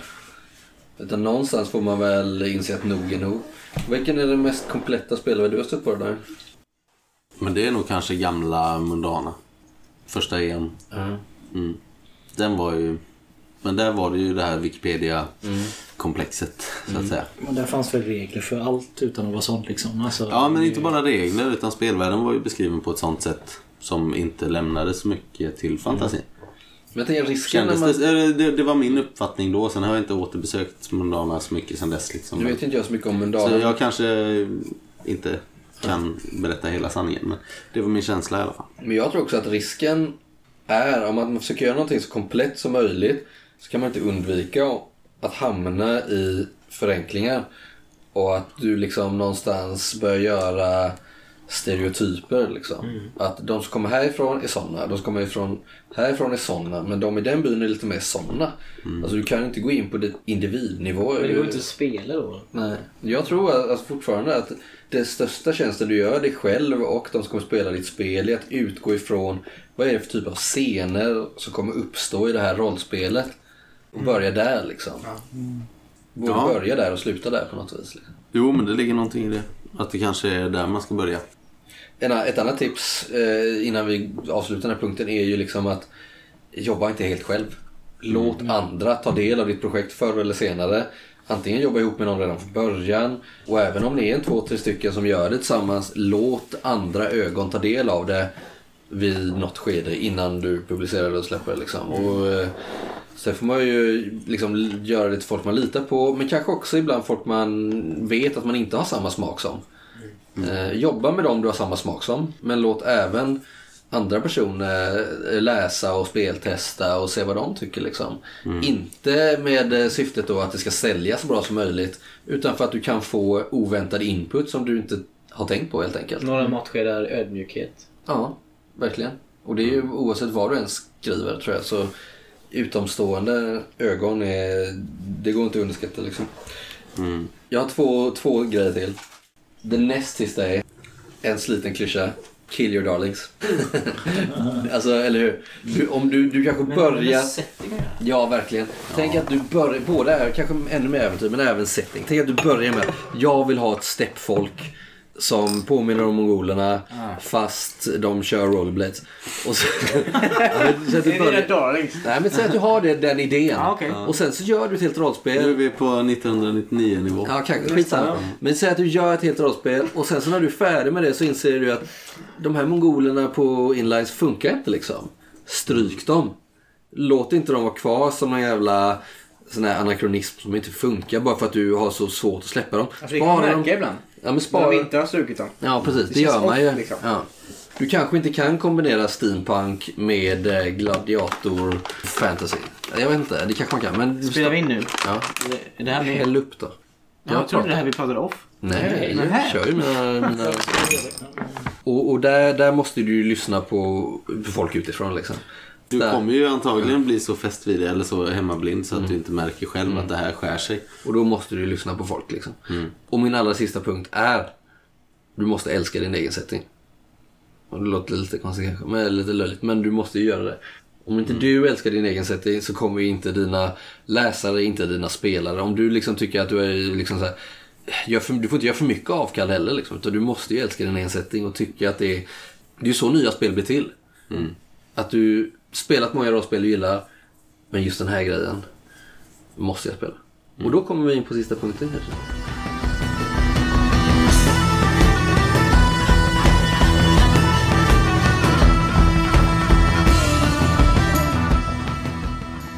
Ja, eh, och då, då handlar det i så fall om eh, eh befintliga settings som existerar utanför rollspelens värld. Som vi kanske hade velat spela rollspel i. Det här är den punkt jag har sett fram emot mest. Ja, jag med. Ja. Jag har tänkt så Jag vill höra vad ni har. För det är, så- det är sånt vi inte pratar så mycket om. Ska vi säga det på tre då? Ett, två, tre. Buffy the Vampire. Buffy the Vampire också. Heter det inte det? Vampire Slayer. Jaha, förlåt. Det var ett skämt. Ja. Fantastiskt. Buffy har vampyren, det är den. Är jag Buffy? sett. Buffy. Nej, det blir... Fast inte, inte, för, inte för att vara sån, men det är rätt många som faktiskt gillar Buffy the Vampire Slayer. Klart det finns. Ja, Så nu, alltså- ja det räcker. Släpp det. Okej. Jag, jag har inte sett så jag har ingen aning, men det är många som säger att den settingen faktiskt är bra på riktigt. Ja. Jag Om man ser bort från liksom att jag inte sett den när jag... High school-dramat liksom. Okej, jag, kan, jag, jag, jag tror väl så här att utanför liksom Lex Occultum så kommer syndikatet inte stöta på så många vampyrer i Nej. sina äventyr. Eh, överhuvudtaget. Men eh, har vi några sådana favoritvärldar Alltså, det vi som vi tänker vill på spela är, i. Liksom. Det vi tänker på är typ så här, man sitter hemma och kollar på en tv-serie, en film, man läser en bok och så bara här vill jag spela. Det är ju det vi är ute efter liksom. Ja, eh, vi har ju pratat lite om det Adam, men Ja. jag, jag kan ta upp det. Fast jag tror inte jag skulle gilla det som rollspelssetting dock i min... I min... Men ta inte upp det. Varför, varför tar du upp det då? För att jag gillar det väldigt mycket som setting i övrigt. Ja, okej. Men jag tror inte det hade gjort sig så bra i rollspel. Men jag, Ut med det. Jag gillar ju efter katastrofen filmer och tv-serier liksom. Det, det vet ni ju alla. Jag gjorde det jävligt länge men jag är sjukt trött på det nu. Men som liksom min... Bra input. Ja. Som vi har pratat om innan, i alla fall du och jag Adam, är ju, jag gillar ju tv-serien Jericho väldigt mycket. Ja, den är cool. Ja, den är svinball. Vilken var det nu då? Det handlar ju, alltså det handlar ju om ett, ett litet samhälle i USA. Alltså en liten skitby liksom. som heter Jericho. Mitt in, ja, som heter Jericho. Mitt i, ute i ingenstans. Och så faller atombomberna och de är helt frånkopplade från världen liksom. Och har ingen aning om vad som händer. Men det handlar om ett litet samhälle i USA som måste klara sig själva under katastrofen. Som heter Jericho. Ja, tack. Du sa samma sak exakt. eh, Två. Ja. Eh, och jag gillar ju den settingen i tv-seriesammanhang. Det handlar ju, det är liksom efter katastrofen Dallas typ. Jo, men jag har ju sett det här, Ja. jag ihåg. Men, men i, i, en rollspelsvärld skulle inte det göra sig alls. För att det skulle inte vara så jävla häftigt att, att dag till dag bara försöka rädda din Men de tar ju by kontakt med en annan stad. Men sen Jo, fick de men, men det, är så, det, är så, det är så litet på något sätt. Det är inte episkt det de gör på något sätt. Liksom. Det, det blir... Ja. Men jag tror att anledningen till att du tvekar för att spela det, det är att de har gjort en setting som också är så beroende på manuset. Vad som händer i rollpersonerna. Jo, Och absolut. det kanske man får, för sådana exempel finns ju jättemånga när man bara Ja den här världen är så cool. Men sen så bara, vad hade man gjort om det inte hade varit exakt den här handlingen? Och då blir det som att det enda sättet att hantera den handlingen det är att spela eh, se tv-serien så som den gick till. Ja, och det är, inte, det är inte roligt liksom. Och det är likadant. Jag älskar ju Mad Max-filmerna. Jag älskar A Boy and His Dog och liksom alla dem. Men jag tror inte de hade gjort sig i rollspelsvärld. Det finns det många som skulle säga emot det där. Absolut, det är jag helt övertygad om. Men jag personligen tror inte jag hade tyckt det var så kul. Fallout. Ja, men tänk, alltså, tänk dig tv-spelet Fallout i rollspelsmiljö. Mm. Hade du tyckt det var roligt i 40 spelmöten att bara gå runt och Nej, försöka hitta mat och Jag hitta vapen och liksom överleva. Jag tror inte jag hade tyckt det var kul heller i ett rollspelssammanhang. Däremot älskar jag Fallout-spelen som tv-spel. Liksom. En sån setting kräver ju en jävligt bra story. Ja, och det har, det, det har de oftast inte för att det handlar om att överleva bara. Alltså det handlar inte så mycket om... De är ju också, och det, det jag skulle komma till sen, för jag har många exempel på böcker som jag har tänkt på, som jag verkligen gillar. Men svagheten med att göra dem till rollspel är att, kanske lite samma sak som med idén om efter katastrofen, är att så stor del av handlingen utspelar sig på ett inre plan. Mm. Och det finns det bara vissa indie-rollspel som välkomnar. Det vanliga traditionella problemlösar karaktärsdrivna spelet lämpar sig inte för inre dialog liksom, eller monolog med Nej. eh, Utan de behöver någon typ av... Eh, Men vilka böcker specifikt funderar du på? ja, men då tänker jag ju mycket på böcker alltså, från tidigt 1900-tal, modernismens stora period, Virginia Woolf, Frans Kafka, James Joyce. Alltså, Polska dokumentärer. Ja, nu är jag inne på polska. Nej men där, där jag verkligen älskar settingen. Men om man tar liksom Virginia Woolfs böcker till exempel som är underbar setting. Så in, utspelar de sig mestadels i karaktärernas huvud. Ja. Ska jag åka till fyren eller inte? Liksom. Lily Briscoe sitter Nej, och vänta målar. nu. Ja, men Lily, Lily Briscoe sitter och målar en tavla i eh, åtta sidor. Ja, nej, vi, vi lämnar det här nu. Hur många högskolepoäng? Släpp det. Ja. En idé som jag... Nu går jag lite utanför själva vad frågan handlar om. Men en, en idé som jag har diskuterat med eh, gubbarna borta i Kalmar mycket. De hade ju någon tanke om en spelvärld där temat är typ ständigt sönderfall. Som de uttryckte för mig. Alltså att en plats som du har besökt tidigare i spelet ska liksom inte finnas nästa gång du kommer dit. Eh, och jag ville li- lite grann gifta in det med den här eh, multiverse eh, Elric eh, Moorcock-grejen. Att världens gräns är typ som en så här ogenomtränglig dimma. Och när du träder ut i den dimman så skapas liksom en ny värld så att säga. Ja. Eh, och jag hade någon tanke om att man gör ett system där, alltså ett regelsystem för det här. Så att man genererar kultur, eh, geografi, eh, en konflikt, eh, alltihopa baserat på den gruppen karaktärer som liksom kliver ut i det här terra incognita. Och så bara byggs det upp en värld direkt. Och så kör man ett äventyr där. Och sen när man lämnar den platsen så kommer den aldrig finnas med igen. Och så går Jag man får- vidare till nästa och så bygger man upp det på nytt med ett par tärningslag liksom. Då måste så får, man ju podda. Ja men visst låter det som en ganska Ja, cool idé ja, liksom, ja. för Lite rollspel. kittlande Alltså, jag- idé att liksom... Det här kanske vi inte ska sända då för någon kommer ju knycka det. Ja. Just det. Det här, den här idén är ju lösningen på de känslorna jag fick när jag såg på den här tv-serien Maniac. Mm. Eh, har ni sett den? Ja, Nej, jag har inte sett den. Eh, som... Eh, du har ju sett den väl? Jag funderar på om jag har Du det. gav, visade mig trailern. Den går upp på Netflix med han... Eh, vad heter Ja, just det. Ja, helt, nej. Jo, Ja, jo, Jonah Hill. Jonah Jonah Hill. Hill. och, Och Emma... Stone. Stone. Stone. Så där, det är ju, så där, då är det, fast det utspelar sig i deras eh, Fan, kul att du har huvud. sett den. Ja, den var Ja. Och jag blev så fascinerad för Visst det är var den cool? Och visst, så jävla visst påminner den om Utopia? Ja. Ja, den Det är bara du och jag som har sett den, tror jag. Ja, nej, men visst är Jag har sett Utopia. Också. ja. Visst är bildspråket typ Ja, samma? ja, alltså de glada färgerna Ja, med ja. en så här otäck betong och så här en... Fast det ja. fanns i den här på ett sätt så alltså den här var inte lika dystopisk som Utopia. Nej men det var ju... Alltså, Skitsamma, vi ja. behöver inte pra- prata om det. Men det som var så gött var att det var så jävla lekfullt och att de bara såhär, ah nu är vi här. Utopia är väldigt komiskt. Ja okej, jag. skitsamma, vi behöver inte fastna i dem som sagt. Men det jag gillade med det här, det, det är den här lekfullheten att man, det var köttben överallt. Bara, nu är vi där, nu är vi där. Och de löste det på ett bra sätt. Jag, alltså, jag blev inte så här känslomässigt berörd på ett djupare plan kanske. Men jag älskade den här förändringen i setting hela tiden. Ja, ett avsnitt var de alver helt plötsligt. Ja, det kanske var det sämsta då, men Ja, men det, det bästa var ju när han var någon sån där Ja. trollkarl som kunde ko- korttricks och det. Och de skulle stjäla någon... I slutet när han hade en alien. Tyckte jag var coolt. Ja, nu, nu spoilar ni en tv-serie Ja, som jag inte har sett. hur som helst. Men det, det hade varit en lösning på den typen av så lekfullhet. Att man bara så här, Nackdelen med det är att det kan bli lite som fiasko kan bli. Att det aldrig blir så bra som det hade kunnat bli. Mm. Om varje setting hade varit en färdigskriven setting så hade de kunnat bli amazing. Mm. Men om du bara måste på studs uppfinna en ny värld så blir det lätt att man hemfaller åt stereotyper och förutfattade meningar och vad man har sett tidigare. Jo men Det är det, det, det kräver ju väldigt mycket av spelgruppen för då tänker jag inte att det ansvaret ska ligga ensamt på spelledarens axlar. Men så är Utan det ju då, då, i fiasko man, också. Då när man liksom går ut i den här dimman, någonting nytt skapas, så är man liksom med allihopa och bygger upp det. Mm. Eh, för det ska ju vara baserat på rollpersonerna och kanske så här anti versionen av din Ja, rollperson. Eller så här, om ditt starkaste driv då är som Simons, det här rätta till orättvisor. Mm. Så, så kanske man kliver in i en värld där det inte finns någon orättvisa. Vad ska han göra då? Liksom? Jag skulle säga att Ehm. eh, rollpersonerna, Mm. deras utveckling kommer förmodligen inte bli särskilt stereotyp.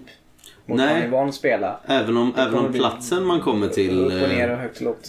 Och inåt och utåt. Man måste ändå vara, ha viss förberedelse som spelledare. eller? Men tänk dig att man avslutar ett spelmöte Ja. med ni går ut i dimman. Liksom. Man slår tärningarna, man har parametrarna klara för sig, ingångsvärdena är där. Liksom. Och sen ses man igen tre veckor senare. Då har man haft lite tid att förbereda sig utifrån det man sa senast. Typ. Men det du egentligen pitchar nu är ju snarare, Det är ju snarare av regelsystem. Ja, det är, Ja, det är en världsgenereringssystem. Ja, liksom. men, men det skulle i sådana fall vara inbakat i någon typ av ramverk som är liksom ett ständigt förändrande universum. Men alltså, Men om man I, I typ multiverse-stilen. Jag älskar den idén. Det är fan det bästa jag har hört på länge. Mm. Men jag tänker, när man har gjort det fem gånger. Mm. Blir det gammalt då liksom? Så då kanske man måste gå tillbaka. Ja fast du kommer ju inte tillbaks till ställen som inte finns längre liksom. Men skitsamma, vi behöver inte börja älta... Nej, nej men alltså jag, jag, älskar, jag älskar idén men jag, jag vet bara hur jag själv fungerar. Alltså Mm. typ som i Turban-kampanjen så min största behållning där var att jag var med och byggde en del av en story som till slut blev vad det blev liksom. Mm. Men i, i en sån värld så skulle ju din storyutveckling ständigt, ständigt Men det, Men kan man spela ihop man då, hade ju liksom. kunnat bygga att det finns liksom någon konstant punkt också. Mm. Säg en stad eller en, någonting, vad som Men hur helst. kan man spela som som alltid, då, som alltid är där liksom. Och sen ser man sig ut på olika expeditioner i den här. Ja, ja, Blir det alltså, jag- soloäventyr eller blir det liksom... Nej, då med- tänker jag tänker en hel spelgrupp. Liksom. Men oavsett då, om, om vi åter till setting då. Mm. Eh, vil, Vilka skulle du vilja stöta på i en sån här grej då? Jag har ingen aning. Jag har ju tänkt hela tiden att det skulle vara liksom att det skulle utgå från karaktärerna som spelar. Liksom. Ja, men har du några settings som du vill spela i liksom? Jaha, eh, om vi går tillbaka till frågan med. Mm. Nej, ja, jag vet inte. Nej men det är jättesvårt. Jag har ju en tv-serie som jag älskar. Om jag stjäl den om du inte kommer på. Berätta mer. Och det är Versailles. Mhm. 1600-talets Frankrike. Det är ganska likt Lexikultum på ett sätt. Men premissen är ju att det utspelar sig på den här stängda platsen som är palatset Versailles. När det är liksom i sin prakt nybyggt och eh, grandiost liksom. Jag tänker att någon kan gärna få spela Louis XIV. Eller hans eh, flamboyanta bror. Och alltså, eh, jag älskar den tv-serien för att den är så eh, förbehållningslös på något vis. Och den bygger så mycket på, lite som i Dimväg fast det går inte riktigt att jämföra men de här komplotterna som hela tiden pågår bakom spelarnas rygg på varandra. Och de behö- det behöver inte bli att man tävlar mot varandra på något sätt. Utan det kan vara att man har olika mål. Det fanns i den tv-serien någon som var spion, någon som var kungens polis som skulle utreda den här giftskandalen som vi vidrörde lite i Lexikultum. Det tror jag drar. Och alltså den typen av så här intrigbaserat spel i en setting som är... Och nu är det inte bara settingen jag pratar om här utan nu är det ju också då vad det blir för typ av spel i settingen. Men den typen av så här extrem överklass på 1600-talet där det också finns massa politiska motsättningar om någon spelar kungen eller någon av hans ministrar liksom. Så får man ta den typen av stora politiska beslut också. Eh, det är en eh, setting jag hade velat liksom, sätta tänderna i. Mm. Men kan man köra samma spel Nej, du kan- i nej. eh, en annan sätt?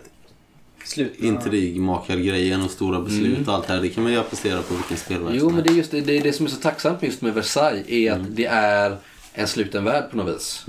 Där de som bor där knappt har någon aning om vad som händer utanför Versailles. Förutom kanske på sina gods där hemma i södra Frankrike eller var de nu kommer ifrån. Liksom. Och där alla har olika agendor. Liksom, sådär. Och det, och det kanske inte är eh, en setting som lämpar sig för ett helt eh, rollspel. Förstår du vad jag menar? Det kanske inte är någon mutant eller Right Minds produkt liksom. Men det lämpar sig för en kampanj i alla fall. Som jag hade älskat. Och man kanske hade kunnat lägga den i, jag vet inte, 1200-talets Mongolien också liksom. Mongolien? ja, Mongoliet. Eh, eller liknande. Men ju- det är just, jag gillar ju set, på 1200-talet. Ja. Eller, ja. Ja. Eller, ja, det var ju Det var då det typ hände. de var som störst. Eh, Men just det här, alltså det jag gillar där är ju liksom också då st- stordådigheten, överdådigheten, framåtrörelsen, den vetenskapliga utvecklingen och allt det där liksom. Mm.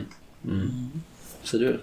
Ja, ja, jag gillar ju just Utopia som vi pratade om. Jag gillar ju mörk komedi överlag. Ja. Eh, jag gillar ju Black Mirror. Det var cool. Black metal tror jag Det finns många tv-serier som man skulle man, man, man tittar på som man gillar. Men det här skulle jag vilja spela. Black Mirror är ju en av de liksom största inspirationskällorna för nya tech edge. Mm. Men kanske just med det här liksom utforskandet av ny teknik och vad Mm, den kan göra precis. med, eh, med människan och mänskliga relationer. Men det, det är också svårt att spela det Ja, det utan att ha det. liksom ett manus när man börjar. Och göra ett äventyr i det, är lite så här, det blir lite knäppt. Men om du skulle vara spelledare Erik, om vi skulle tvinga dig bara, men du ska spelleda nästa månad, du har en månad på det. Vad skulle du välja för setting då om du inte fick ta ett befintligt rollspel liksom? Ja, men jag har nog försökt hitta något som vi inte har spelat förut. Något nytt liksom. Jag skulle kunna vara Ja, det skulle kunna vara något med typ uh, utomjordingar kanske. utomjording. Ja.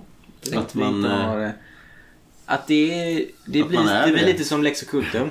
Att det är... Att man är utomjording eller att man... Det är, nu, det är historisk förankring, det är nutid. Men att det sker någon förändring i världen liksom. Ja. Och det är ju lite framtid. På så sätt att man kan ändra saker. ja. Vad spelar man för karaktärer? Det blir ju lite... Fan vad du sätter honom på pottan nu. Ja, det är lite... Nej men jag är ju intresserad. Nej, Spelar men- man utomjording eller människa? Nej, min tanke är nog att man skulle spela de som bor på jorden. Ja, okej. Hur förhåller man sig till... Det blir en typ av katastrof liksom. Ja. Som ställer världen upp och ner. Mm. Jag har ju en sak. Den är sjukt stereotyp i och för sig. Men den funkar väldigt ofta i filmer. Och jag tror den hade funkat i rollspel också. Det är att man, man vaknar upp på ett rymdskepp. Och Cargo. Nej, du minns ingenting. Du vaknar upp på ett rymdskepp med teknologi du inte känner igen och... Ja, cargo. Eh, Jag kommer inte ihåg det. Alltså, nu har inte jag sett den men jag vet vad den Jo, du har sett den ihop, men det är ju tio år Okej, ja, sedan. Jo, Ja, men, ja, men, men säg att du Ja. vaknar upp på ett rymdskepp eller en, Ja, det- liksom dylikt. Man vaknar upp i en miljö som man inte är bekant med och man vet inte vad som komma skall. Och The så är det- Cube. Så är, det helt, så, så är det helt upp till spelledaren, till en början i alla fall, att bygga världen och sen får spelarna hjälpa till att bygga den. Det känns som att båda ni två är ganska vaga här. Liksom att man ska liksom, säga, samverkan. Ja, ja, eh, kanske. Eh, kanske därför ni inte gillar att vara spelare. Jag har aldrig varit spelare så jag vet inte om jag gillar det. eller Nej, men det är därför du inte har velat vara det liksom, Mm. eller tagit den rollen. Men Jag kan fortsätta då, för jag har ett gäng. Om ni ska säga vaga. Eh, Men jag, jag har en Ja, kör du, du då. som är ganska specifik, eller den är inte så specifik, men vad heter han den sydafrikanske regissören? Ja. District 9-killen. Ja, just det. Ja. Eh, Blomkamp. Eh, District 9. Chappie gjorde han också va? Eh, någonting i den stilen. Som också är lite inne på det vi pratade om innan. Nära man liksom- framtid. Ja, men att man just utforskar det mänskliga i den här nära framtiden. Ja. Neotech är inne och nosar lite grann på det här men det är inte riktigt så smutsigt och... eh, och Blottar människans natur. Ja, men lite grann. Eh, och Det, det ska finnas liksom ett mått av den här överlevnadskampen som vi pratade om innan. Att man liksom måste kämpa bara för att ta sig igenom sin vardag. Liksom. Ja, okej. Det går att gestalta det här i Neotech Edge men det är inte... Det är kanske inte det första man skulle använda det rollspelet till. Det känns som att vi så här tenderar att gå in på settings som uppmanar till vissa typer av motiv. Berättarmotiv. Snarare än du vet så här, vad gillar jag för typ av eh, mode, kläder, arkitektur. Som man annars kan tänka vara settingbaserat liksom. Men det, är väl, det hänger ofta ihop tror jag. Det är lite det du är inne på redan när du säger Jericho. Att det finns någonting med vad det är för typ av berättelse jag vill berätta och vilken typ av setting passar den i. Ja, Men vi vill ju inte ha ett rollspel där man ska döda monstret och ta hem skatten. Det måste finnas en cool story bakom det som man Ja. blottar. Men jag märker ju något intressant här. Det är att ni tenderar att säga saker som har med framtiden att göra. Men jag snarare vill historiska grejer. En sak jag är jävligt sugen på också. Som vi var lite inne på när vi spelade 1999 men det gick kanske inte riktigt dit. Det är ju en typ, det är också en jävligt smal typ av setting. Som mest syns i film och i vissa tv-serier. Och det är tidningsredaktionstrillen. Du får utveckla det lite grann. Det är så jävla Många- smalt. Det är Du får utveckla det, ja. Och det är också så här, någonting som kanske bara funkar i en kampanj eller kanske bara i ett äventyr. Men vi snackar till exempel filmer som eh, All the President's Men, Dustin Hoffman. Och eh, vad heter den? The Post kom ganska nyligen. Eh, säsong 5 i The Wire har ju sådana inslag. Eh, att man liksom, man är på en redaktion. Eh, man ska, Zodiac, den filmen är ju lite så också. Mm, jag tänker på Nightcrawler. Ja, kanske, kanske. tatt- lite åt det hållet med. Va? Eller i noir. Ja. Ja, alltså att eh, det, det, det, där finns ju verkligen noir-vibbar i det. Liksom att man, man, är, man är inte utredare som polis med den typen av auktoritet och så här, utan man är driven av någonting annat kanske då. Man vill, men det är det vi pratar om, man vill blottlägga en story liksom. Och eh, man har kanske inte alla medel för det. Man måste ta lite genvägar och göra lite fulingar. Det, jag tycker det låter jättekul. Jag Men, men kan, det här kan vi gifta ihop med eh, Masks of Nyarlathotep. Ja, verkligen. det. Vi kan ju vara en Och så kan vi bli galna på kuppen. resande cirkus, eller jag menar redaktion. Har vi några andra då? Du, det verkar som att du har en lång, lång lista. Ja, det är. Ja. Någon gång vill jag gärna spela Lost. Lost? Tv-serien Lost. du har inte släppt den än Nej, alltså Nej. det finns någonting så jävla suggestivt i settingen att komma till en öde. Mm. Vi, vi behöver inte bara säga Lost, vi kan säga um, Flugornas herre. Jag tänker bara på Du tänker på Tom Hanks. Ja, Tom Hanks och Wilson. Vad heter Men The Post? Men själva grejen är i alla fall att- Han är fången på en flygplats är- också. Castaway. Castaway. Men, men tanken är alltså att din omedelbara överlevnad ska vara ganska säkrad. Liksom. Du Ja. ska inte behöva bekymra dig Nej, för nej, mat och nej, vatten. nej. Utan det, Isbjörnar. det är ju... Kom... Ja, nej, men, eh, Ja, precis. Det, det finns ju massa mysterier på den här ön du kommer till. Ja, nej, men jag menar, vi, finns- vi hade ju kunnat förlägga det till Grönland liksom, men då måste du tänka på att inte frysa ihjäl Då blir det The Thing sekund. istället. Ja, fast- ja det är mer isolerings, isolationsskräcken. Precis. Det är en helt annan femma. Nej, men jag Nej, men, men jag på- tänker att om man vill göra det här temat då med liksom en, en plats som du inte kan ta dig ifrån. Mm. Men det är väl ganska inbyggt också att du ska vara relativt säker. Ja, exakt. Du ska inte Egentligen. behöva gå och liksom leta palmhjärtan som i Robinson. Utan du ska ju liksom, det du ska behöva tänka på det är ju relationerna med de andra personerna på ön. För man ska vara, gärna vara ganska många då liksom. Dokusåpa eller nice. Jaha. Robinson sa du? Jaha. Ja, det finns väl de som har gjort sådana rollspel. Ja. Nej men Lost-grejen där liksom. För det, det finns sånt utrymme för, och det är inte det att jag älskar djungler liksom. Utan det är ju det här att Nej, men Lost är uttryck för mer än, än bara att vara fast på en öde ö. Alltså det är ju... Och sen så givetvis så att det finns ett mysterium på själva ön. Det finns någonting där som händer liksom. Sen tänker jag ju också på en helt annan grej. Som vi förhoppningsvis kommer att spela någon gång under året. Och nu vet jag att du kanske inte är helt hundra på det här dagen. Men det är ju eh, Jane Austen. Mm. Tidigt 1800-tal. Och att ta sig an den typen av spelsätt. Societeten i England på 1800, 1810-talet, liksom 20-talet. Det är nice. Det är också upplagt för konflikter, drama. Jag gillar liksom hur, hur man klär sig. Jag gillar orättvisorna, höll jag på att säga. Det gör jag inte. Men jag gillar hur man kan arbeta med orättvisorna. Och allt det där liksom. Det kommer vi förhoppningsvis spela någon gång under året. Kanske med lite annorlunda uppsättning här men... Och sen min stora grej som jag någon gång måste göra det är ju andra världskriget. Mm. Oj då. Det är... förutom typ såhär, jag vet inte hur... För jag, jag har inte sett på så många rollspel överhuvudtaget som liksom tar upp den största mänskliga tragedin i historien. Liksom. Mm. Den är helt förbigången i rollspel. Ni får gärna kasta in eh, förslag, lyssnare, om vi har missat detta. Men jag är sugen på att göra då ett epos liksom. Får jag komma med ett önskemål då? Mm. Att vi kör första istället för andra. Nej, det... Det är för romantiskt. Ja, nej, jag vill ha andra andra. är så uttjatat och tråkigt. Inte i rollspelssammanhang.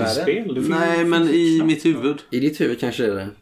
Men då får ju du spela en karaktär som eh, har en annan ingång. Ja. Du kan, det finns så många Om det första olika... världskriget. Det finns så många olika världskrig i världskriget. Bara Jag har sitter, sett den förut. bara sitter och pratar om sina kampanjer i första världskriget Jag kände Hitler. Men på vilken nivå då? Är det skyttegrav eller är det liksom... Eh... Det, det är olika tänker jag. Att man skulle kunna spela det här över Skype eller liknande liksom. Men jag gillar inte det där. Nej men det är svårt att spela det som grupp. Utan jag tänker det här som en... eh, Men är det liksom franska motståndsrörelsen? En skulle kunna vara det. Ja. Någon annan kanske försöker rädda personer som är på väg till koncentrationsläger. En tredje kanske rent av eh, strider för Hitler eller något. Jag vet inte. Alltså jag tänker mig att vi har ju minst fyra personer i spelgruppen och att ni får välja. Kanske då. Det, det finns ju så mycket att ta av när det kommer till andra världskriget som inte gjort i rollspel. Jag får spela en sån här mysig eh, japansk forskare i Manchuriet. Varför inte? Nej, det, men det är en dröm jag har. När jag, jag, liksom, jag kan inte släppa andra världskriget. Liksom. Ingen borde släppa andra världskriget. Det visste jag inte. Men det här känns lite också lite för manusstyrt eller? Det kan det bli. Det är ju risken. Det Att är det, blir svårt manusstyrt. att, svårt att påverka världen. Jag kanske, det ju- men jag kanske snarare Men det, tänker... det går att göra en så här enkel one-shot för att säga nazi-zombies liksom. Ja, men Nej, det är ju det, lite för enkelt. det är ju gjort. Nej men det är det jag menar. Det, det går att göra Men jag tror jag fattar vad du är ute efter. Men jag- Jag tänker kanske snarare poddprodukt än eh, perfekt rollspelssetting. Men Liksom. hade det inte varit lite kul att liksom binda in... Eller vill du att det ska vara helt historiskt korrekt liksom? Nej, man skulle, jag tänker att man spelar det här med syndafloden-regler. Eller Ja, så kan precis. Erik vara spelare varannan det- gång och så är det utomjordingar. Det finns ju ändå en hel del mörker man kan utvinna i... Nej, men jag, som sagt, jag tänker att vi spelar det i sådana fall med syndafloden-regler eh, där du kan välja mer eller mindre övernaturliga förmågor och sånt. Liksom. Ja, men det kan, det kan ju till och med handla om en, en tysk officer som jagar en artefakt som... Oh, Indiana Ja, Jones-territorium. men lite så liksom. Ja. Ju- En, en av de spelen skulle absolut kunna vara det. En annan kanske är en ung soldat från Texas som är på väg. Någon annan kanske är en eh, brittisk sjuksköterska i, i fronten. Alltså det, det finns ju massa... Det finns ju så mycket att ta av när det kommer till andra världskriget. Eh, och det är en blind fläck för mig i rollspelssammanhang. Liksom. Men just det här historiska känner jag kan vara... För i rollspel så vill man ju ändå kunna påverka. I alla fall ha illusionen av att man kan påverka. Mm. Om det inte har en historisk förankring med en twist Mm. så blir det kanske svårt att känna det. Tänker jag. I det här fallet så tänker jag ju snarare att det ligger på en mycket mer personlig nivå. Alltså det är ju likadant som filmen eh, Saving Private Ryan. Handlar ju inte om att du ska vinna andra världskriget liksom. Nej. Utan det handlar om att du ska... Ett krig i kriget. Ja exakt. Och Nej, det men är det, den det typen av inte- intriger jag, jag, jag ser inte ens den filmen som ett krig i kriget. Det handlar om åtta eller nio personer som... Alla har ju ett öde i den filmen Ja. liksom. Eh, Påverkar inte den stora... Och nu pratar ni film igen liksom. Ja, jag, men jag, det- jag, jag har svårt att se det här som, en, som att det blir roligt att spela. ja men det är, det, det är ju det vi... Fan, förlåt Ja, att men jag jag pissar vet- på din idé Ja, men... eh, Nej men det handlar återigen då, är det snarare innan, vi, innan jag börjar skriva något manus så handlar det snarare om vilken setting jag vill befinna mig Jo, i. Och jag vill befinna vilken- mig i den typen av setting när hela världen står på spel. Men för den enskilde personen så är det liksom bara så här, hur fan ska jag kunna ta hand om typ min familj eller mig själv de närmsta tre veckorna liksom. Förstår du vad jag menar? Mm, mm. Det är liksom Det den typen av... diskutera om hela världen står på spel i sig. I andra världskriget? Ja. Menar du att den inte gjorde det? Ja. Okej. Vore det realistiskt att tro att Tyskland skulle ta över hela världen? Ja. Ja, det, det var det nog verkligen. säga. Det var inte hela världen, men... Alltså, Eller vadå? Jo. Du menar att det inte hade- hade- avtryck hade- att de hade- dödade si och så många människor? Alltså, Nej, det, är, det är en inte. extrem Nej, men hade- hade tragedi. Det på mig. Nej, hade, men hade alltså- ingen stoppat dem så hade de ju gjort det. Men det handlar ju inte... Vadå inte stoppa dem? Hur många dog under världskriget? Var inte det den största tragedin som mänskligheten har skådat liksom? Om man inte tycker att... Ja, jo. Det finns ju liksom- moderna mänskligheten absolut. Eller vad? Ja. Det, det Eller finns liksom- en eh, tysk eh, filosof som heter Theodor Adorno som menar att skriva poesi efter Auschwitz är meningslöst. Liksom. Vad tycker mänskligheten då? Mänskligheten dog då liksom. För att efter det här, den här tragedin, och jag tror att det är liksom en nutida historieblindhet om man inte inser vad fan som pågick liksom i 40-talets Europa. Liksom. Mm. Ja. det, det var inte det jag menade. Jag, jag menade Mm. att, alltså, att jag tänkte att det, det var inte realistiskt att tro att Tyskland skulle ta över hela världen. Fast det var det väl? Eller? Det var det ju, alltså inte hela världen men det, alltså, det är inte riktigt det det handlar om. Det handlar om den humanitära Ah, katastrofen Ja, som ja. de gav upphov till. Och Men den påverkar ju hela världen. Liksom. Jo, om saker och ting inte hade men- gått på det sättet gjorde så hade det kunnat pågå mycket längre liksom. Nej, men jag menar, hade, hade inte allianser skapats liksom mellan USA, och England och Frankrike och liksom Mm. Hela den biten. Då hade de ju mycket väl kunnat bli en Hade världsdel. inte Benedict Cumberbatch knäckt eh, den här eller den här koden så, i den här filmen så hade de ju kunnat förlänga kriget med typ fem år. Ja, men den personen, som jag inte kommer ihåg vad han heter, då, som det här matematiska geniet liksom. Det finns ju så många grejer där. Nej. Manhattan-projektet. Ja. Men andra världskriget hade varit lite fett att spela i för det har man aldrig gjort. ja, och det är ju Och verkligen... jag har aldrig hört det Det är ju en setting som skulle kunna pågå hur länge som helst och du kan dyka ner var du vill som en spelgrupp. Det finns ju en tv-serie som utspelar sig under Manhattan-projektet till exempel som är ganska intressant. Och där har du också en hel värld av konflikter. Varför har som ingen utforskat det? Det är ju lite spännande i och för sig. Det kanske det är någon som har, jag vet inte. Men jag har inte hittat något inte i rollspel. rollspels... Nej, Mm. Det är ganska hemskt. Jo, Just det är det, det När, vi, det- slåss och dödar alver och orcher då känns det liksom... Men fast, ah, Det gör inte lika ont på riktigt. Fast alla, alla alltså jag menar Tolkien skrev ju Sagan om ringen under, under Ja. i sjukbädden från Jo, första världskriget. Alltså, det- tar, Det finns en viss distans till det. Jo, men det är ju fortfarande en jämförelse med vad han själv gick igenom. Liksom, så det Eller en flykt därifrån. ja, en flykt. Finns det en tv-serie som heter The Night Of som jag har nämnt när vi spelade Syndafloden. På HBO. Som eh, är så här nutida kriminal eller typ rättegångsdrama som är jävligt nice. Mm. Ja, väldigt underskattad serie. Jag har aldrig hört någon prata om den. Som är väldigt bra. Som det här John Turturro spelar advokaten som får massa eksem och... Nej, men så här, nutida kriminaldrama överhuvudtaget. Det skulle jag vilja spela också. Det finns inte heller så mycket rollspel som jag har stött på. Nej, men det finns ju extremt mycket annan media. Mm. Du har film och tv-serier och framförallt 10 miljarder deckare. Ja. Av varierad kvalitet. hyllorna på Coop. Ja, precis. Men att spela i den världen och ta det på allvar och göra det bra. Som i tv-serien The Night Of. Det hade varit någonting. Mm. Där liksom också hela tiden Du vet att det finns korruption lite överallt. Korruption överlag är någonting jag gillar i spelvärlden. Mm. Ja, jag tror att det är lika bra att vi eh, sätter stopp. Innan jag... Just det, nu kom jag på en grej till. Nej men sluta. ja men det här får faktiskt vara sista grejen. Aniara. Hur? Rymdskeppet Vi som på- eh, ja. eh, Harry Mattinsons diktsamling om rymdskeppet Aniara som förlorar kursen och åker rakt ut i stjärnsystemet. Det är lite det du var på, inne på där Simon. Mm. Fast att man kanske då baserar hela kampanjen på Aniara liksom. Ja, eller så gör man inte det bara. Eller så gör man det. Och allt vad det, allt vad det, innebär, allt vad det innebär. Och gör kanske då ett regelsystem som passar. Du menar att man är ju rollpersoner som är på väg ut till nowhere? Ja, och vet att de kommer dö inom... Nej, fan Ja, vad hemskt. Det är Antingen, alltså, antingen, alltså grejen är ju att ja, det är ju en metafor över livet. Du vet att du kommer dö och du kan inte göra någonting åt det. Men bara för att du är på ett rymdskepp så blir det mer panik över det liksom. Vad händer då liksom? Vad ska vi göra när vi sitter och spelar det då? Ja men då får man ju ha ett regel, liksom, Kommer en ett kampanj. rymdmonster. Då får du ju följa boken. Men då är det återigen, finns det ju då är det konflikt. lite där spela efter manus. Mm. Men jag har ingenting emot lite rädsla ibland. Nej, inte jag Men nu, heller pratar, men... nu pratar vi inte nu pratar Nej, vi om som setting. setting. Nu pratar vi om setting Ja. och inte liksom så här, vad ska hända i varje scen. Utan jag gillar settingen, jag gillar förutsättningarna. Sen är det upp till oss att göra ett äventyr så det. kan du ju Ja. inte ändra någonting.